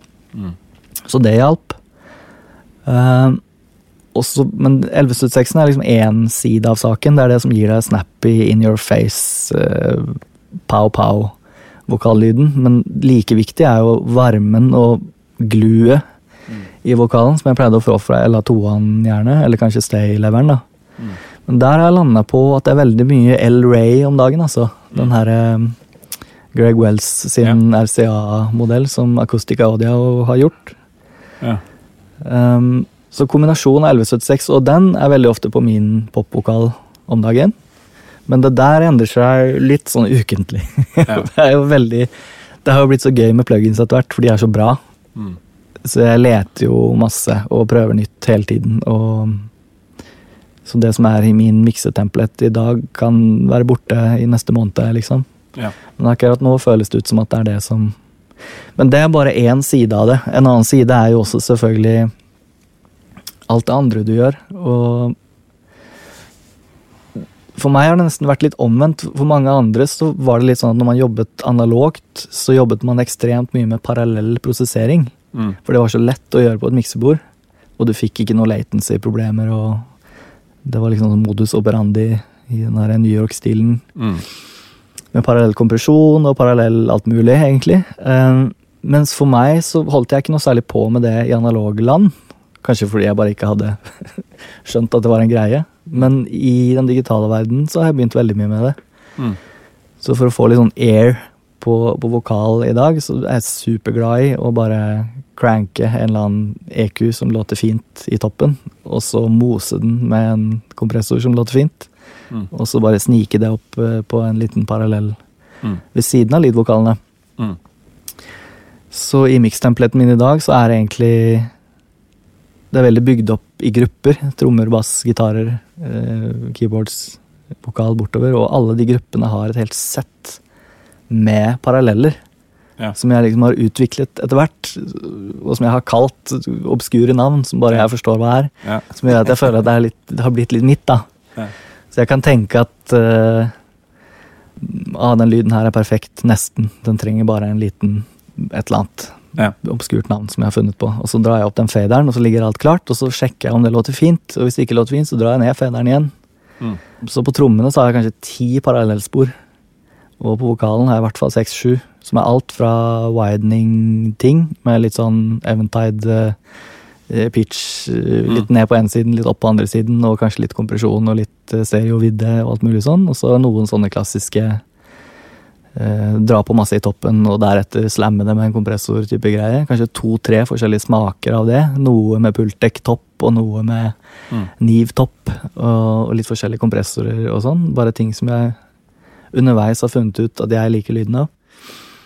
Og egentlig bortover sånn, så mikstempelet min er jo fem meter lang, da. Men jeg føler det er verdt det, for det går så fort å teste smaker. Ja. Teste nyanser når man, når man jobber. Og finner jeg ut at en parallell ikke funker, så sletter jeg den bare. Ja. Mm. Hvor mange spor har du typisk i en miks? Ja, det er jo dessverre blitt sånn at eh, man kan jo ha uendelig mange spor. Og det gjør at man som produsent da, eh, bruker uendelig mange spor. Mm. Um, men det der også er i ferd med å snu. Jeg føler vi har vært igjennom perioder hvor jeg kunne få 200 spor inn til miks. Det er ikke helt tilfellet lenger. Fordi produsentene, i hvert fall de som jeg har rundt meg her i Oslo og i Norge, de de har blitt så gode etter hvert, ikke bare teknisk og miksemessig, men også til å, å tenke at de vil være profesjonelle, da. Mm. Og levere noe som er håndterlig. Eh, og at man kanskje har fått fokus litt opp på at hvis du leverer noe til en mikser som er oversiktlig, så vil resultatet selvfølgelig bli bedre. Mm. Så nå syns jeg ikke at Jeg sitter aldri og banner nå over at jeg har fått inn 700 spor og ikke vet hva jeg skal gjøre. Det er kanskje alt fra at noen bouncer ned et tjuetall stems til deg, som også funker helt fint, til at du får en heftig session på 100 spor, da. Ja. Eller noe sånt. Mm. Alt derimellom, vil jeg si. Mm. Men i tillegg til min template, som da er altfor Ekstremt mye aukser og masterfeder og sånn der, så blir det, det blir ofte Man sitter og scroller i bredden en god del, selv om jeg har en ganske brei skjerm. ja, ser det. Men jeg føler det er verdt det, da. Mm. Men hva, hvordan griper du an en miks typisk når du får den inn? Hva starter du med? Eh, hvis jeg prepper den sjøl, noe jeg gjør som oftest, eh, så er det å få orden på alt først. Jeg er litt sånn avhengig av å føle at jeg har kontroll på hva som er hva, Mm. og i hvilken rekkefølge det ligger, og hvilken farge sporene har, og hva de heter og sånn. Um, for det er veldig ofte altså En miks kan være en kompleks historie, og det er ofte man sitter og føler at det bare nesten funker, og så er det vanskelig å sette fingeren på hva det er som ikke funker. Mm. Selv om du kanskje har Etter hvert blir man jo vant til å høre etter de riktige tingene og analysere hva som er galt og sånn, så noen ganger så er det bare en sånn X-faktor som er gal. Mm. Og har du da ikke sørget for å ha full kontroll på hva alt er, så vil du liksom slite med å finne feilen fort. Ja. Så jeg bruker litt tid på det i starten. For bare egentlig høre på, høre på det meste i solo, egentlig, og sjekke ut hva alt det er for noe. Identifisere sånne åpenbare problemer. At ok, det klokkespillet her har sykt mye 30 hertz, la oss ta det bort før vi begynner. Sånne ting. Um, Og litt mer sånn kontorarbeid type greie, som at ok, her er en sur tone i vokalen som eh, produsenten ikke har tuna, la oss fikse den, um, og sånne ting. Og så Når alt det er gjort, og jeg føler at jeg begynner å mikse på ordentlig, så er det ofte, hvis det er ryt rytmisk musikk, som det jo ofte er, så er det viktig for meg å få trommer og bass til å sitte Mm. før jeg gjør noe annet. Så da kan jeg gjerne sitte og høre på ting i solo. Det er mange som eh, som egentlig på en måte aldri jobber med noen ting i solo. Man liksom skrur alt i kontekst hele tiden.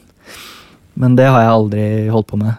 Jeg, jeg har stor nytte av å liksom sitte og høre på kicken litt, og så hører jeg litt på skarptromma, og så hører jeg litt på bassen alene, og så For poenget er at når jeg men Det er klart at med litt erfaring, når du da skrur noe i solo, så du vet jo hva du Du vet jo hva du skal passe inn i til slutt, så du skrur jo på en måte litt Ja. med det i baktanke. Så det som 95% av gangene skjer, i min verden i hvert fall, er at når jeg har skrudd litt basstromme i solo, og litt bass i solo, og litt skarptromme i solo, og plutselig setter dem inn sammen, så låter det jo fantastisk med en gang. Mm. Eh, eller du har i hvert fall kommet langt på vei, da. Mm. Jeg tror, men det er nok en vanesak hvordan man eh, jobber der. Jeg tror eh, den her filosofien med å aldri høre ting i solo og bare skru ting i kontekst, er like bra. Bare en annen innfallsvinkel. Mm. Men så er det liksom å hive inn Altså, vokalen må inn fort, da. Voka vokalen må gjerne inn etter det. Etter bass og trommer. Sånn at du skrur alle de andre tingene for å gi plass til, til vokalen. Så gitarer og synter og alt mulig annet må Det funker ikke for meg å slappe vokalen på helt, helt til slutt. Nei. Eh, Men vokal oppå en eh, kjøkkenavdeling, det går veldig bra. Kjøkkenavdeling er da Trommer og bass og det som måtte være av perkusjon, kanskje. Eller. ja. Ja. ja, ikke sant? Ja, det er vel en ganske sånn standard måte å, å bygge det opp på. Mm. Eh, bruker du Du bruker ingen analog outboard i For du har jo også en Scener limiter og litt eh, Ja, Ja, nei, ting. ja, ja, det er veldig fine ting. Og den eh, Chandler Senior Limiteren blant annet, er jo, jeg vet ingenting som er så deilig å ha på trommebussen som Mm. den. Uh, bortsett fra i, i sånn EDM-pop, fordi Ja. den også spiser transienter. da. Så eh, den gir ekstremt fin sånn presence. Den flytter alt 30 cm nærmere deg. Ja. Eh, og i tillegg så er den veldig sånn glu, gluey Ja. på en deilig måte. Men den, eh, den spiser også litt av den der digitale punchen som du får når Mm. starten på alle ting er u, ubesudlet. Ja. Så um, i, i rocketing og poprock og sånn, så er den uvurderlig. Og i, i popmusikk for øvrig så er jeg litt forsiktig med å, å bruke den. Og jeg tror egentlig det var litt med koronaen som gjorde at det ble litt sånn dødsstøtet for, for mine analoge Ja. remedier i miks. For da, helt i starten av koronaen, hvor ingen visste hva det var, og man mer eller mindre var litt redd for å gå ut døra Ja. vi, vi stakk rett og slett til Trøndelag med familien og bodde på småbruket til eh, svigerforeldrene mine i gudene veit hvor lenge, en hel sommer. Ja. Og bare pusta frisk luft og slapp å forholde oss til Grünerløkka-gryta, liksom. Og det var veldig befriende akkurat da. Da tenkte jeg at jeg måtte kunne jobbe, da. Ja. Så da kjøpte jeg den største Mac-en jeg fant, og så kjøpte jeg UAD, og så et dyrt headset og litt sånn forskjellig, og så satt jeg meg der oppe med utsikt over et lite vann på Steinkjer der og miksa første plata til Sebastian Zalo blant annet, og litt sånn. Det var veldig fint. Um, Hvilke headset kjøpte du da? da kjøpte jeg um, På det tidspunktet fant jeg ut eh, at jeg har hatt 40% rabatt på Sennheiser-ting hele livet uten å vite om det. Utrolig tåpelig ting å finne ut av så seint etter å ha kjøpt så mye Sennheiser-greier. Men jeg, jeg fikk et stipend en gang da jeg gikk på Lipa, Ja, som gjorde meg til en sånn, litt sånn Sennheiser-ambassadør. da. Du har vært en dårlig ambassadør. Nei, jeg, Eller- jeg har snakket opp Sennheiser av eh, hele mitt hjerte hele veien, eh, fordi jeg stort sett elsker mye av Ja. det de lager. Men eh, jeg visste ikke at det i, i den pakka så lå det også en sånn livslang kjemperabatt på Sennheiser-ting. Men da brukte jeg i hvert fall den muligheten til å kjøpe eh, det som heter 800 da, Ja. S-headsetet, og den eh, eh, headphone-forsterkeren som følger med Mm. som jeg har vært veldig fornøyd med. Eh, korrigerer riktignok eh, frekvensresponsen med Sonoworks allikevel. For den er, det er 800, de er ikke helt flate, de heller. Eh, men nå er de det, eh, med litt sånn hjelp fra, Ja. fra Sonoworks. Så da- Og så en liten sånn tweak. Jeg har en liten sånn EQ i tillegg. Som gjør at jeg føler at de Jeg har sittet her og matcha de med amfionene mine, da, sånn at det skal være så like som mulig. Ja. Eh, Men det var det der behovet for å ha et speila oppsett som jeg kunne sitte med på småbruket den sommeren, som gjorde at jeg ikke følte at jeg kunne bruke outboards da jeg var i studio. Da ville jeg jo da Måtte jeg egentlig rekorde alt sammen inn på printe alt, da, før jeg Mm. kunne ha tilgang på det eh, hjemme eller på, på reise. Mm. Eh, Og det var noe med den opplevelsen av å, eh, å være så fri, da. Og spesielt eh, siden jeg hadde fått et lite barn, at um, alle foreldre setter jo pris på den der, de to-tre timene etter at barnet har lagt seg på kvelden, hvor du kan uh, fortrinnsvis slappe av litt, eller i vårt tilfelle jobbe litt. Uh, at man kan sitte på hjemmekontoret og faktisk fortsette en miks, da, for eksempel. Mm. Men har jeg falt for fristelsen i studio og bruker den forbaska stayloveren, så får jeg egentlig ikke Nei. jobba Nei. hjemme. Så det var egentlig Christer Sedberg som eh, fikk meg litt inn på, på, på den tanken, å jobbe i, i Dropbox Business som en sånn Mm. eh, greie hvor egentlig alt jeg har migrert alt jeg har gjort til de siste 20 årene over i, i Dropboxen. Mm. Og hatt tilgang til alt hjemmefra på en veldig enkel måte. Det har vært superfint. Mm. Men det er også litt med at plugins og øh, måter å gjøre ting på i boksen, etter hvert som man har blitt litt vant til det, har gjort at det føles ikke ut som et stort tap, da. Nei. Eh, Jeg kan helt fint levere fra meg ting på på det aller, aller høyeste nivået jeg klarer å, å, å, å jobbe på, eh, og føle at det ikke står noe tilbake for, for lyden. Mm. Eh, Men det har tatt en god stund, og har vært en vanesak når man kommer fra det Mm. Hardware, hardware-land. Og så bruker jeg alt hardware i, i innspilling, da, så mye jeg kan. Men apropos det, hardware, sånn, du er jo yngre enn meg, men, men man kommer jo fra en sånn veldig sånn Hele det der gear sluts uh, Alt skal være ultimat, og det, og det har vært eh, Det er jo sånn trender som rår, da. På 80-tallet skulle alt være klinest mulig, og så Mm. pøste de på med klang oppå det, så i How Should We Know? Men den der um, optimale lyden som ofte er sånn 60-70-talls uh, Med fine bokser, fine preamper, fine alt. Mm. Med det lydbildet som Altså lydmoten som jeg, jeg tenker ofte når jeg hører musikk, det høres ut som Ableton Live, alt sammen uansett. Mm. det er klang som er sidechaina, det pumper Altså, er det litt mindre viktig også? Premium signalgang nå, eller har du noen tanker om det? Jeg vil si i enkelte sjangre så er det det.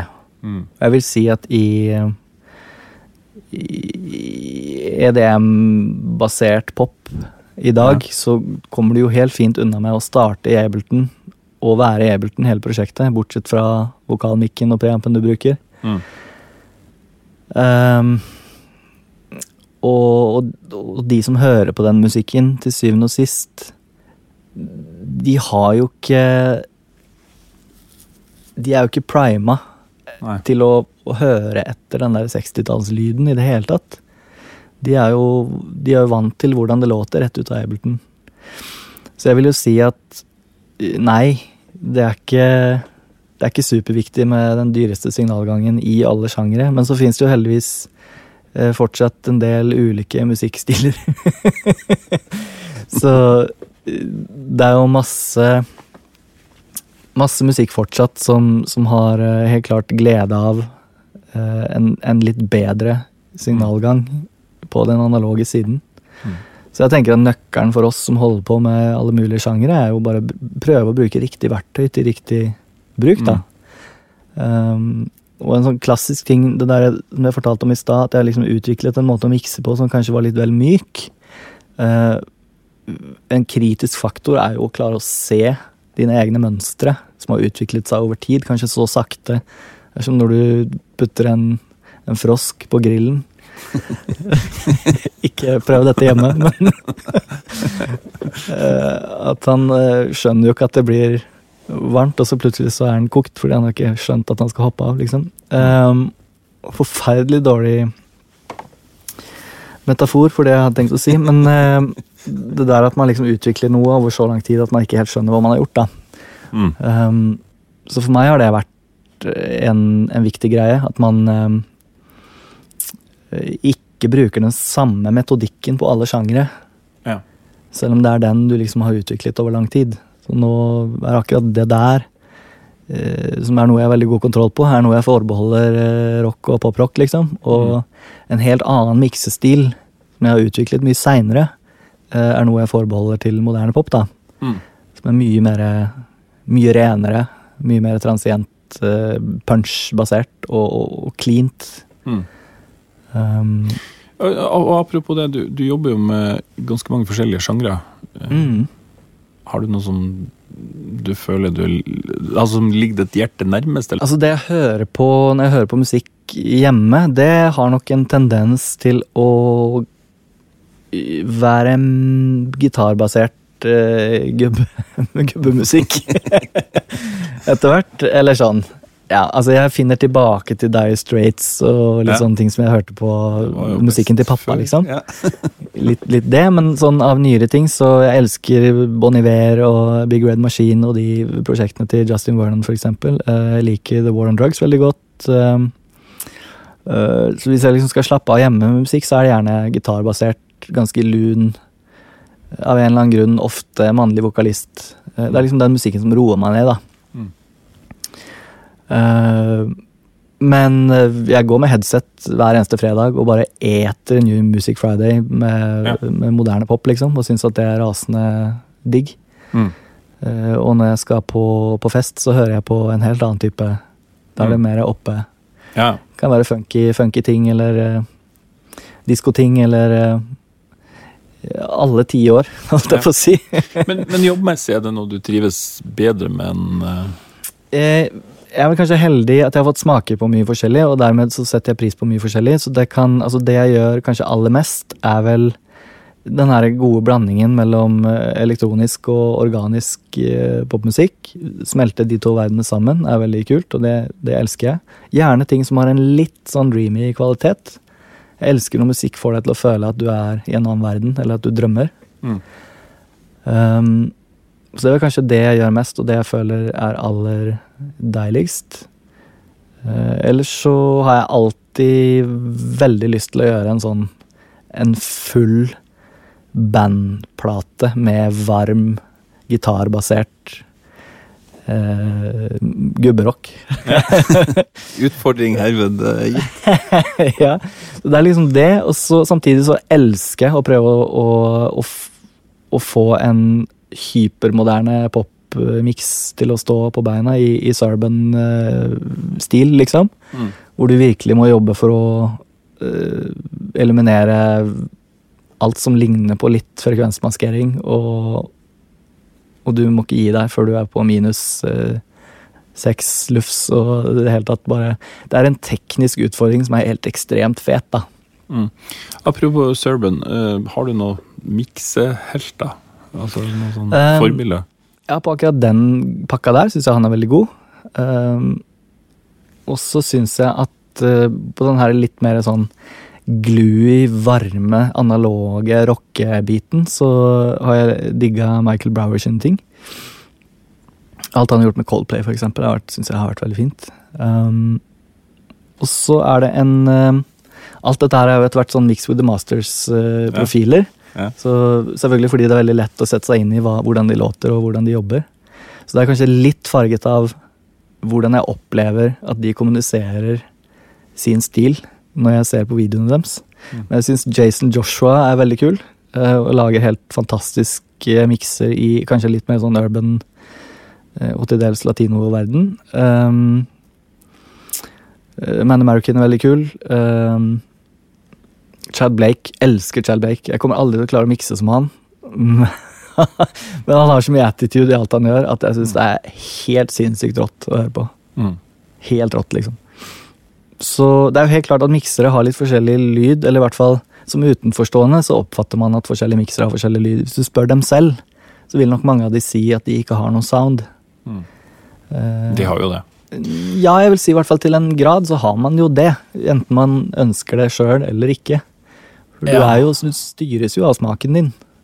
Ja, og jeg tenker jo ja, det- Kanskje det har um, retta seg litt ut nå, men, men jeg tenker jo at altså, de, særlig de gamle da, de har liksom veldig sånn tydelig merkevare på godt og vondt. Mm. Og, og eh, businessmessig veldig på godt, tror jeg, for at de labelfolkene som gikk til dem, visste akkurat hva de fikk. Mm. Absolutt. Og det er ikke noe galt i det. Det er på en måte noe litt fint også, med at alle er forskjellige. Og Mm.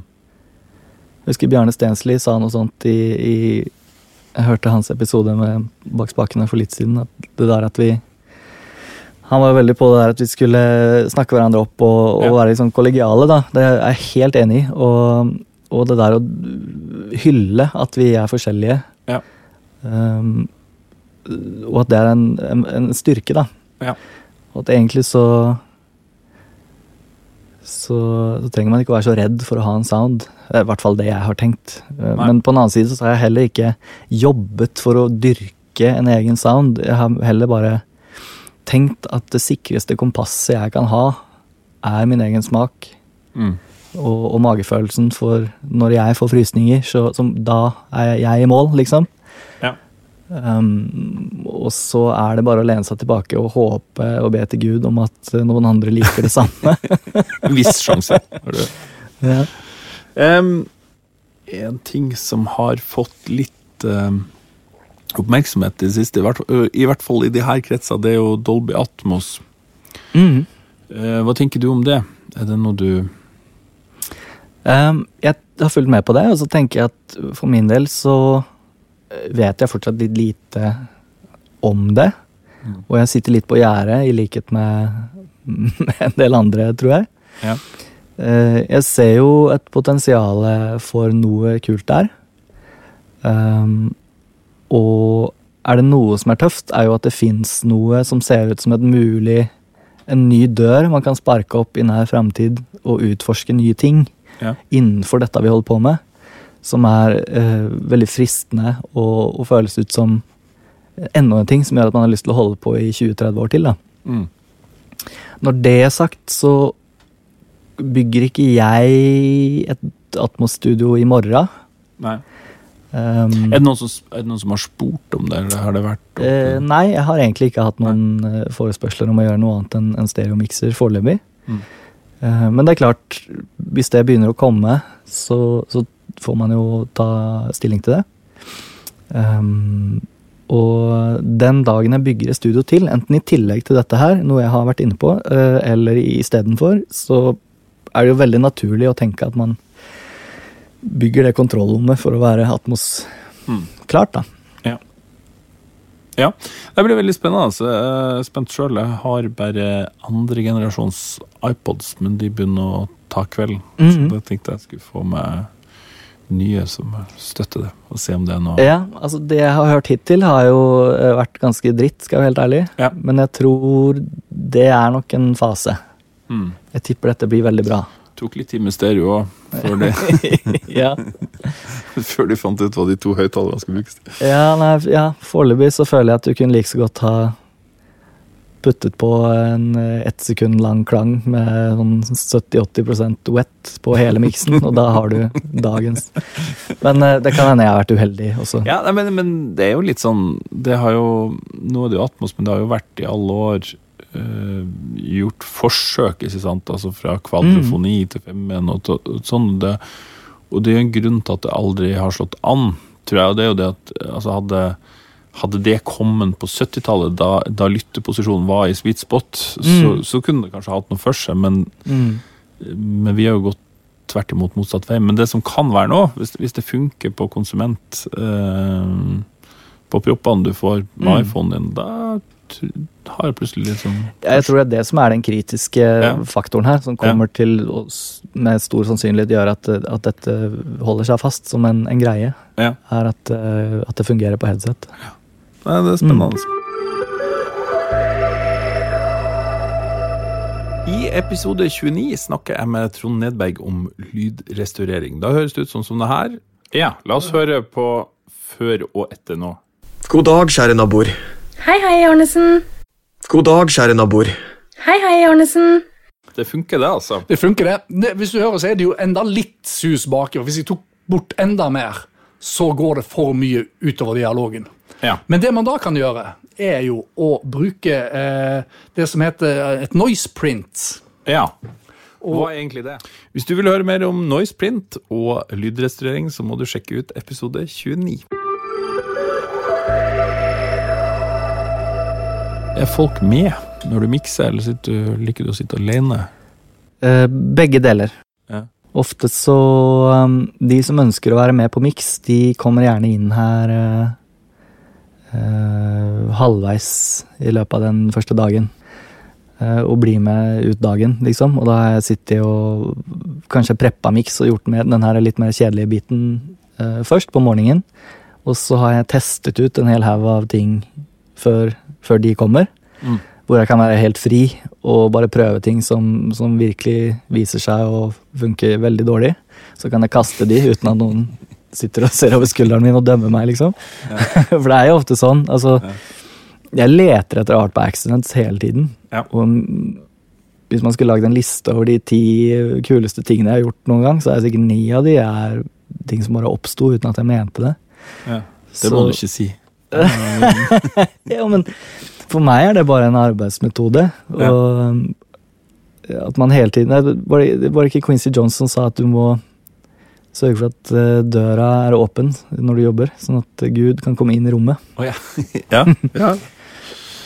Eh, Så det å oppsøke sånne situasjoner, bare prøve masse ting, da. Mm. Prøve masse rare ideer, eh, selv om du vet at 90% av de vil ikke fungere. Og så kan du kaste de, og så kan du prøve nye ting. Mm.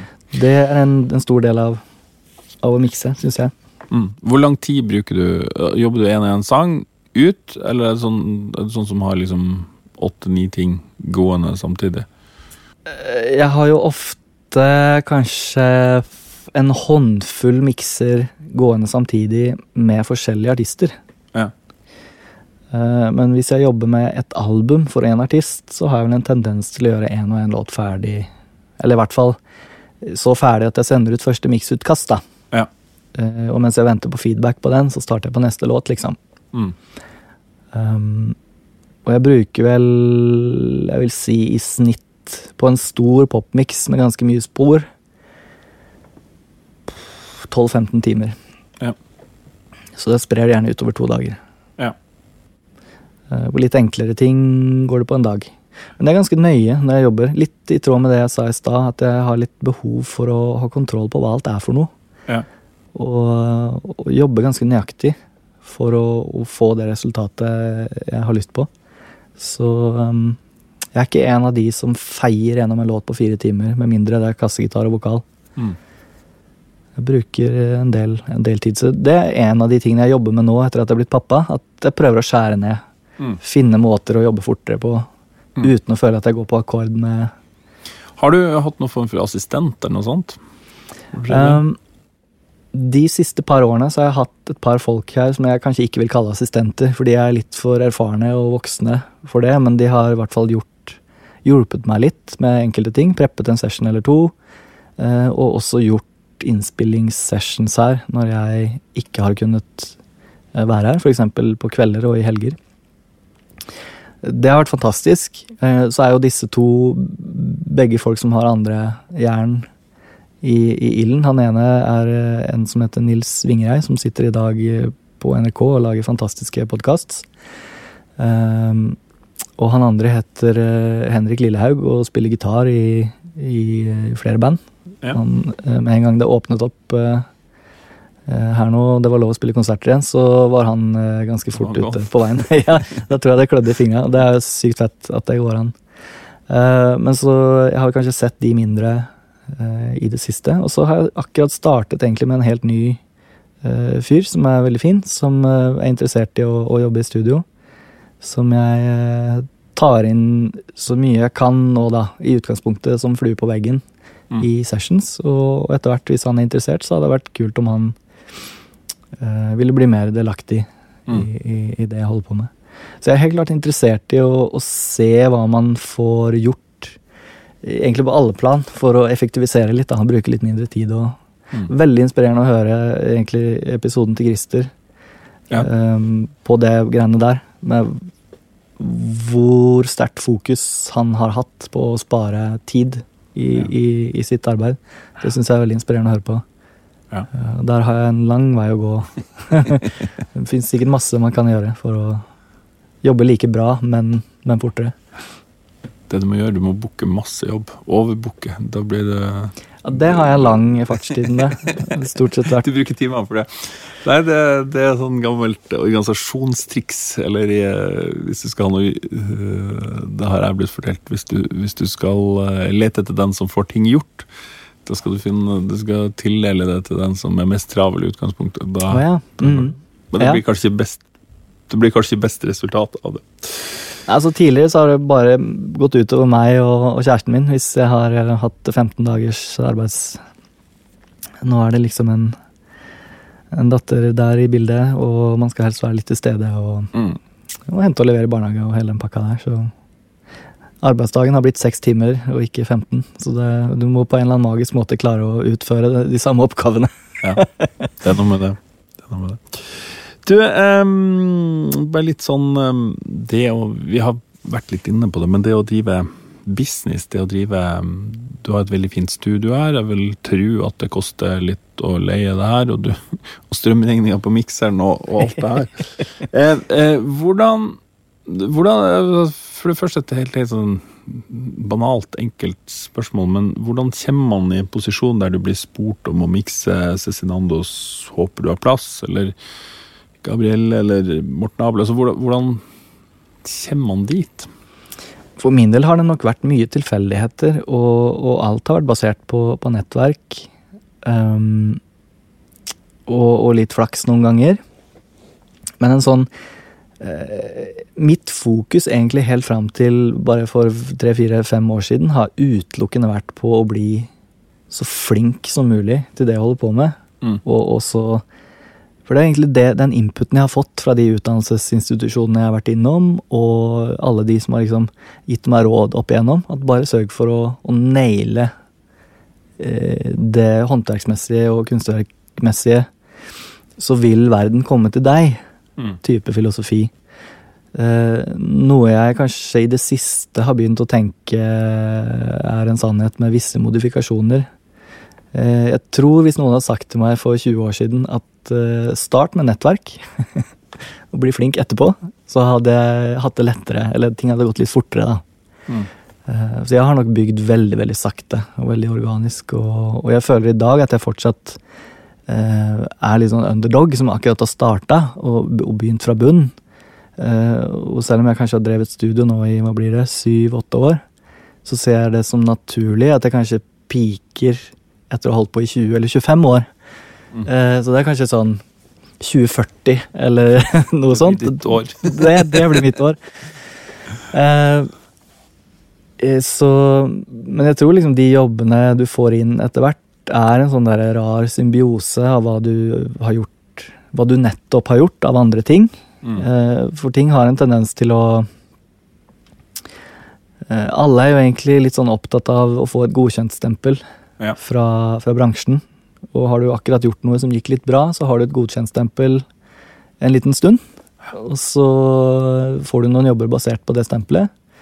Og hvis du er heldig, så klarer du å ri den bølgen og surfe en stund på det. Så kanskje du har en rolig periode på en måned eller to, og da må du begynne litt på nytt. Mm. Um, så det der går opp og ned, opp og ned hele tiden. Mm. Ole Hjemmerud sa alltid 'hits avler hits'. Ja, det, ja. Det er, jo, det, er, det er litt sånn. Ja. Og, um, men det er klart, når du sitter i den andre enden da, og skal selge musikk, enten i ja, et plateselskap, for eksempel, så Det er jo ingen tvil om at du ser etter de som er på en god bølge akkurat nå. Det er de du vil jobbe med. Mm. Og de som føles aktuelle og, og kule nå. Så hvis du på en eller annen måte klarer å ha en sånn bølge og sørge for at den blir lang, så er det en veldig god egenskap. Men jeg tror det er mye tilfeldigheter, altså. Og man skal ikke være altfor hard med seg selv hvis man får en nedeperiode. Mm.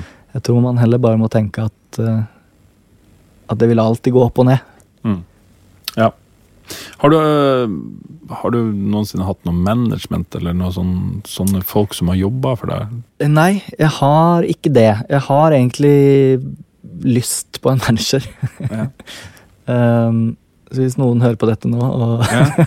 føler kalle, ring meg. Men, eh, men eh, det hadde vært nice. Mm. På, på, flere måter. Nå er det litt sånn at kona mi sier at uh, før du booker noen ting, så må du kjøre det forbi meg. Så hun er i praksis manageren min nå. Ja, det er det som skjer. Har, hun har visse interesser i min, mitt time management etter hvert, så jeg skjønner, mm. skjønner hvorfor. Eh, og litt sånn apropos det òg. Eh, det å prise seg sjøl, det er noe som mange syns er veldig vanskelig. Mm. Og det er jo veldig sånn Det blir så utrolig personlig, da. Ja. Men har du noen tips til det? Det er kronisk vanskelig for alle, og jeg tror en av de tingene som gjør det vanskelig, er at uh, det snakkes ikke så mye om penger Nei. som det burde gjøre. Ja. Eller altså, det er for lite transparens rundt dette med jeg skulle ønske, altså Da jeg startet studio, så hadde jeg prislista mi åpent på websida. Liksom. Ja. Jeg skjønte ikke poenget med å ikke si hva jeg kosta til hele verden. Nei. Det har jeg skjønt etter hvert at det er jo ingen som gjør. Man snakker jo ikke om sånt. Nei. Så det litt, og det gjør jo at det er veldig vanskelig for de nye som kommer inn, og i det hele tatt posisjonere seg. da. Eh, og det kan jeg, jeg fortsatt tenke, eh, når jeg stikker fingeren i været og gjetter på hva jeg burde koste. liksom. At mm. Det hadde vært lettere om jeg hadde visst litt mer om hvor landet mm. ligger. Og jeg gidder ikke å gå til mine gode kollegaer rundt omkring i det norske land og spørre om økonomien deres uoppfordret, for det er liksom ikke korser. Så øh, jeg vil vel kanskje si at alle er jo interessert i å prise seg riktig. Du vil prise deg under de som har en bedre CV enn deg, og du vil prise deg litt over de som har en, eh, en litt mindre fyldig CV enn deg. Sånn at alle ligger på et realistisk nivå, sånn at de som faktisk skal kjøpe DS-ene våre, eh, betaler eh, ganske sånn riktig pris, da. Mm. Så det er litt sånn unødvendig vanskelig, vil jeg si, i vår Men I vår føler du at det liksom, uten å gå direkte på pris, føler du at det går riktig vei? Altså er det sånn at uh, i en altså Jeg husker jeg hjalp samboeren min med skal sånn lønnsforhandling, som bare satte opp i sånn Excel-ark. så Når du slår på 3% i året da, eh, Mm. på gitt lønn, og så i løpet av ti år så blir det forferdelig mye penger. Da. Mm. Altså, det var liksom fra Ja, altså mye mer enn tre ganger ti. Mhm. Eh, Føler du at, ehm, at, at det er en økonomi som vokser, eller er det sånn at man liksom står stampe og, og heller går ned, som man gjorde noen år, syns jeg? I løpet av den tiden jeg holdt på, så vil jeg kanskje si at i, i starten så føltes det litt ut som at, at alt sto litt på stedet hvil, Mm. mens inflasjonen i samfunnet, Mm. generalindeksen, bare løp ifra oss litt, da. Ja. Eh, og det gjaldt ikke bare oss som holdt på i studio, men også musikerhonorarer, føler jeg. Og altså, En ting er MFO sine satser, en annen ting er i, eller Creo sine satser. da. En annen Mm. ting er i hvilken grad folk er villige til å betale de. Og, men det er akkurat som at det har skjedd noe bare de siste årene, føler jeg litt. Mm. Kanskje fordi det virker som at det har vært et lite hopp i prisene i hele samfunnet. Ja. Eh, kanskje det er psykisk, jeg vet ikke, men det er min, min følelse. Og at både mine kunder og, og samfunnet generelt aksepterer litt, litt høyere priser nå. Så Men for min del har det vel mest handla om hva hva må jeg ha Jeg har ikke aldri vært interessert i å bli rik på dette, da kunne jeg valgt noe annet. Men, men jeg har vært interessert i å kunne dekke kostnader og, og ha det en helt sånn adekvat årslønn, da. Ja, ja, ja. Eh, så jeg har bare regnet sammen hva jeg trenger for å, å kunne ha det, og så har det eh, eh, lagt, Det har vært grunnen for, eh, for min, mine priser. Mm. Eh, og så har jeg prøvd å ha så god oversikt over mine, eh, mine kollegaer rundt omkring i samme bransje. Sånn at jeg har, jeg har vært veldig var på å prøve å ikke være dyrere enn de som helt åpenbart er bedre enn meg, f.eks. Mm. Ja, nei, det er jo alltid et ehm, en god ting, det. Men det, det er jo sånn det, Ja. Det, det, det har vært litt sånn mange ulver. Det, det føles som at folk bruker det der, da. Ehm, og ett er jo de som er på en måte helt ferske, og som, liksom, som ikke har de pengene. Da, da er jo det greit. Men, men altså når du jobber for ja, både labels og alt som er som, på ting som Mm. faktisk genererer penger. Mm. Så Jeg tror vi har, vi har et felles ansvar for å ivareta våre egne priser og vår egen prisstigning, sånn at vi holder tritt da, mm, med samfunnet for øvrig.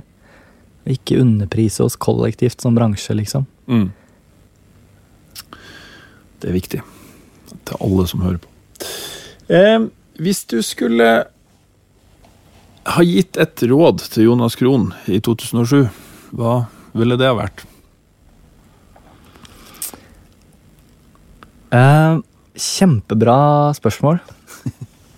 Det jeg pleier å si, i hvert fall til de eh, som er 1920 nå eh, 2007, da er jeg for så vidt eh, godt voksen, men, men de, som, de som stiller sånne spørsmål til meg i dag, da. Litt sånn hvordan havner man i en posisjon hvor man kan drive eget studio, f.eks., eller hvordan får jeg jobbe for eh, for de beste produsentene eller de beste artistene, eller sånne ting. Så så tror jeg det viktigste er den der positive innstillingen som gjør at du klarer å, å snu all, all motgang du kommer til å møte, Mm. til noe som gjør deg sterkere. Ikke grav deg ned.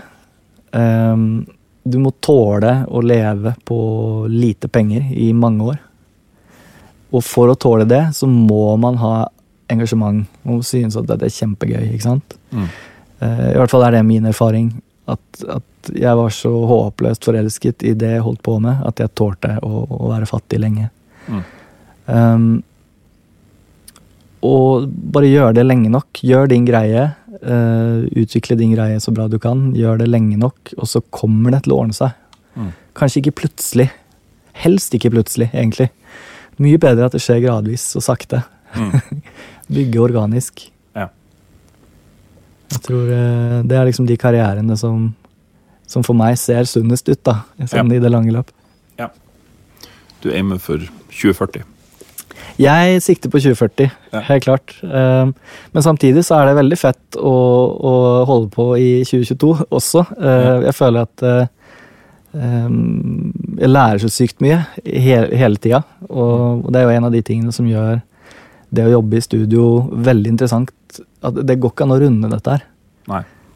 Um, jeg er så dramatisk mye bedre på det jeg holder på med nå, i forhold til bare for tre år siden. da. Mm. Eh, at jeg begynner å gråte når jeg hører ting jeg gjorde. Eh, og jeg kommer sikkert til å ha samme følelse om tre år igjen. Så det, er, eh, det gir veldig mestringsfølelse. Mm. Um, men det er jo selvfølgelig basert igjen på at du er så håpløst engasjert at du ligger våken om nettene og leser ting, eller ser på videoer, eller prøver nye teknikker, eller hva. Altså, du er jo litt sånn litt idiot, da, på Ja. en måte. Og, men det er klart at når du bruker så mye tid, så er produksjonen veldig rask. Mm. Uh, med da uh, tilsvarende mestringsfølelse som belønning. Så det Jeg har ikke noe problem med å tro at jeg skal fortsatt synes at dette er veldig morsomt i 2040. Nei. Nei, det er bra. Mm. Det er et godt utgangspunkt. Eh, ja. Er det noe mer? Du, er det noe mer som du har på hjertet? Um, nei, ikke noe som jeg kan komme på sånn eh, på stående fot, nei. For eh, ringe og sende meg et lydfil. Send deg en lydfil.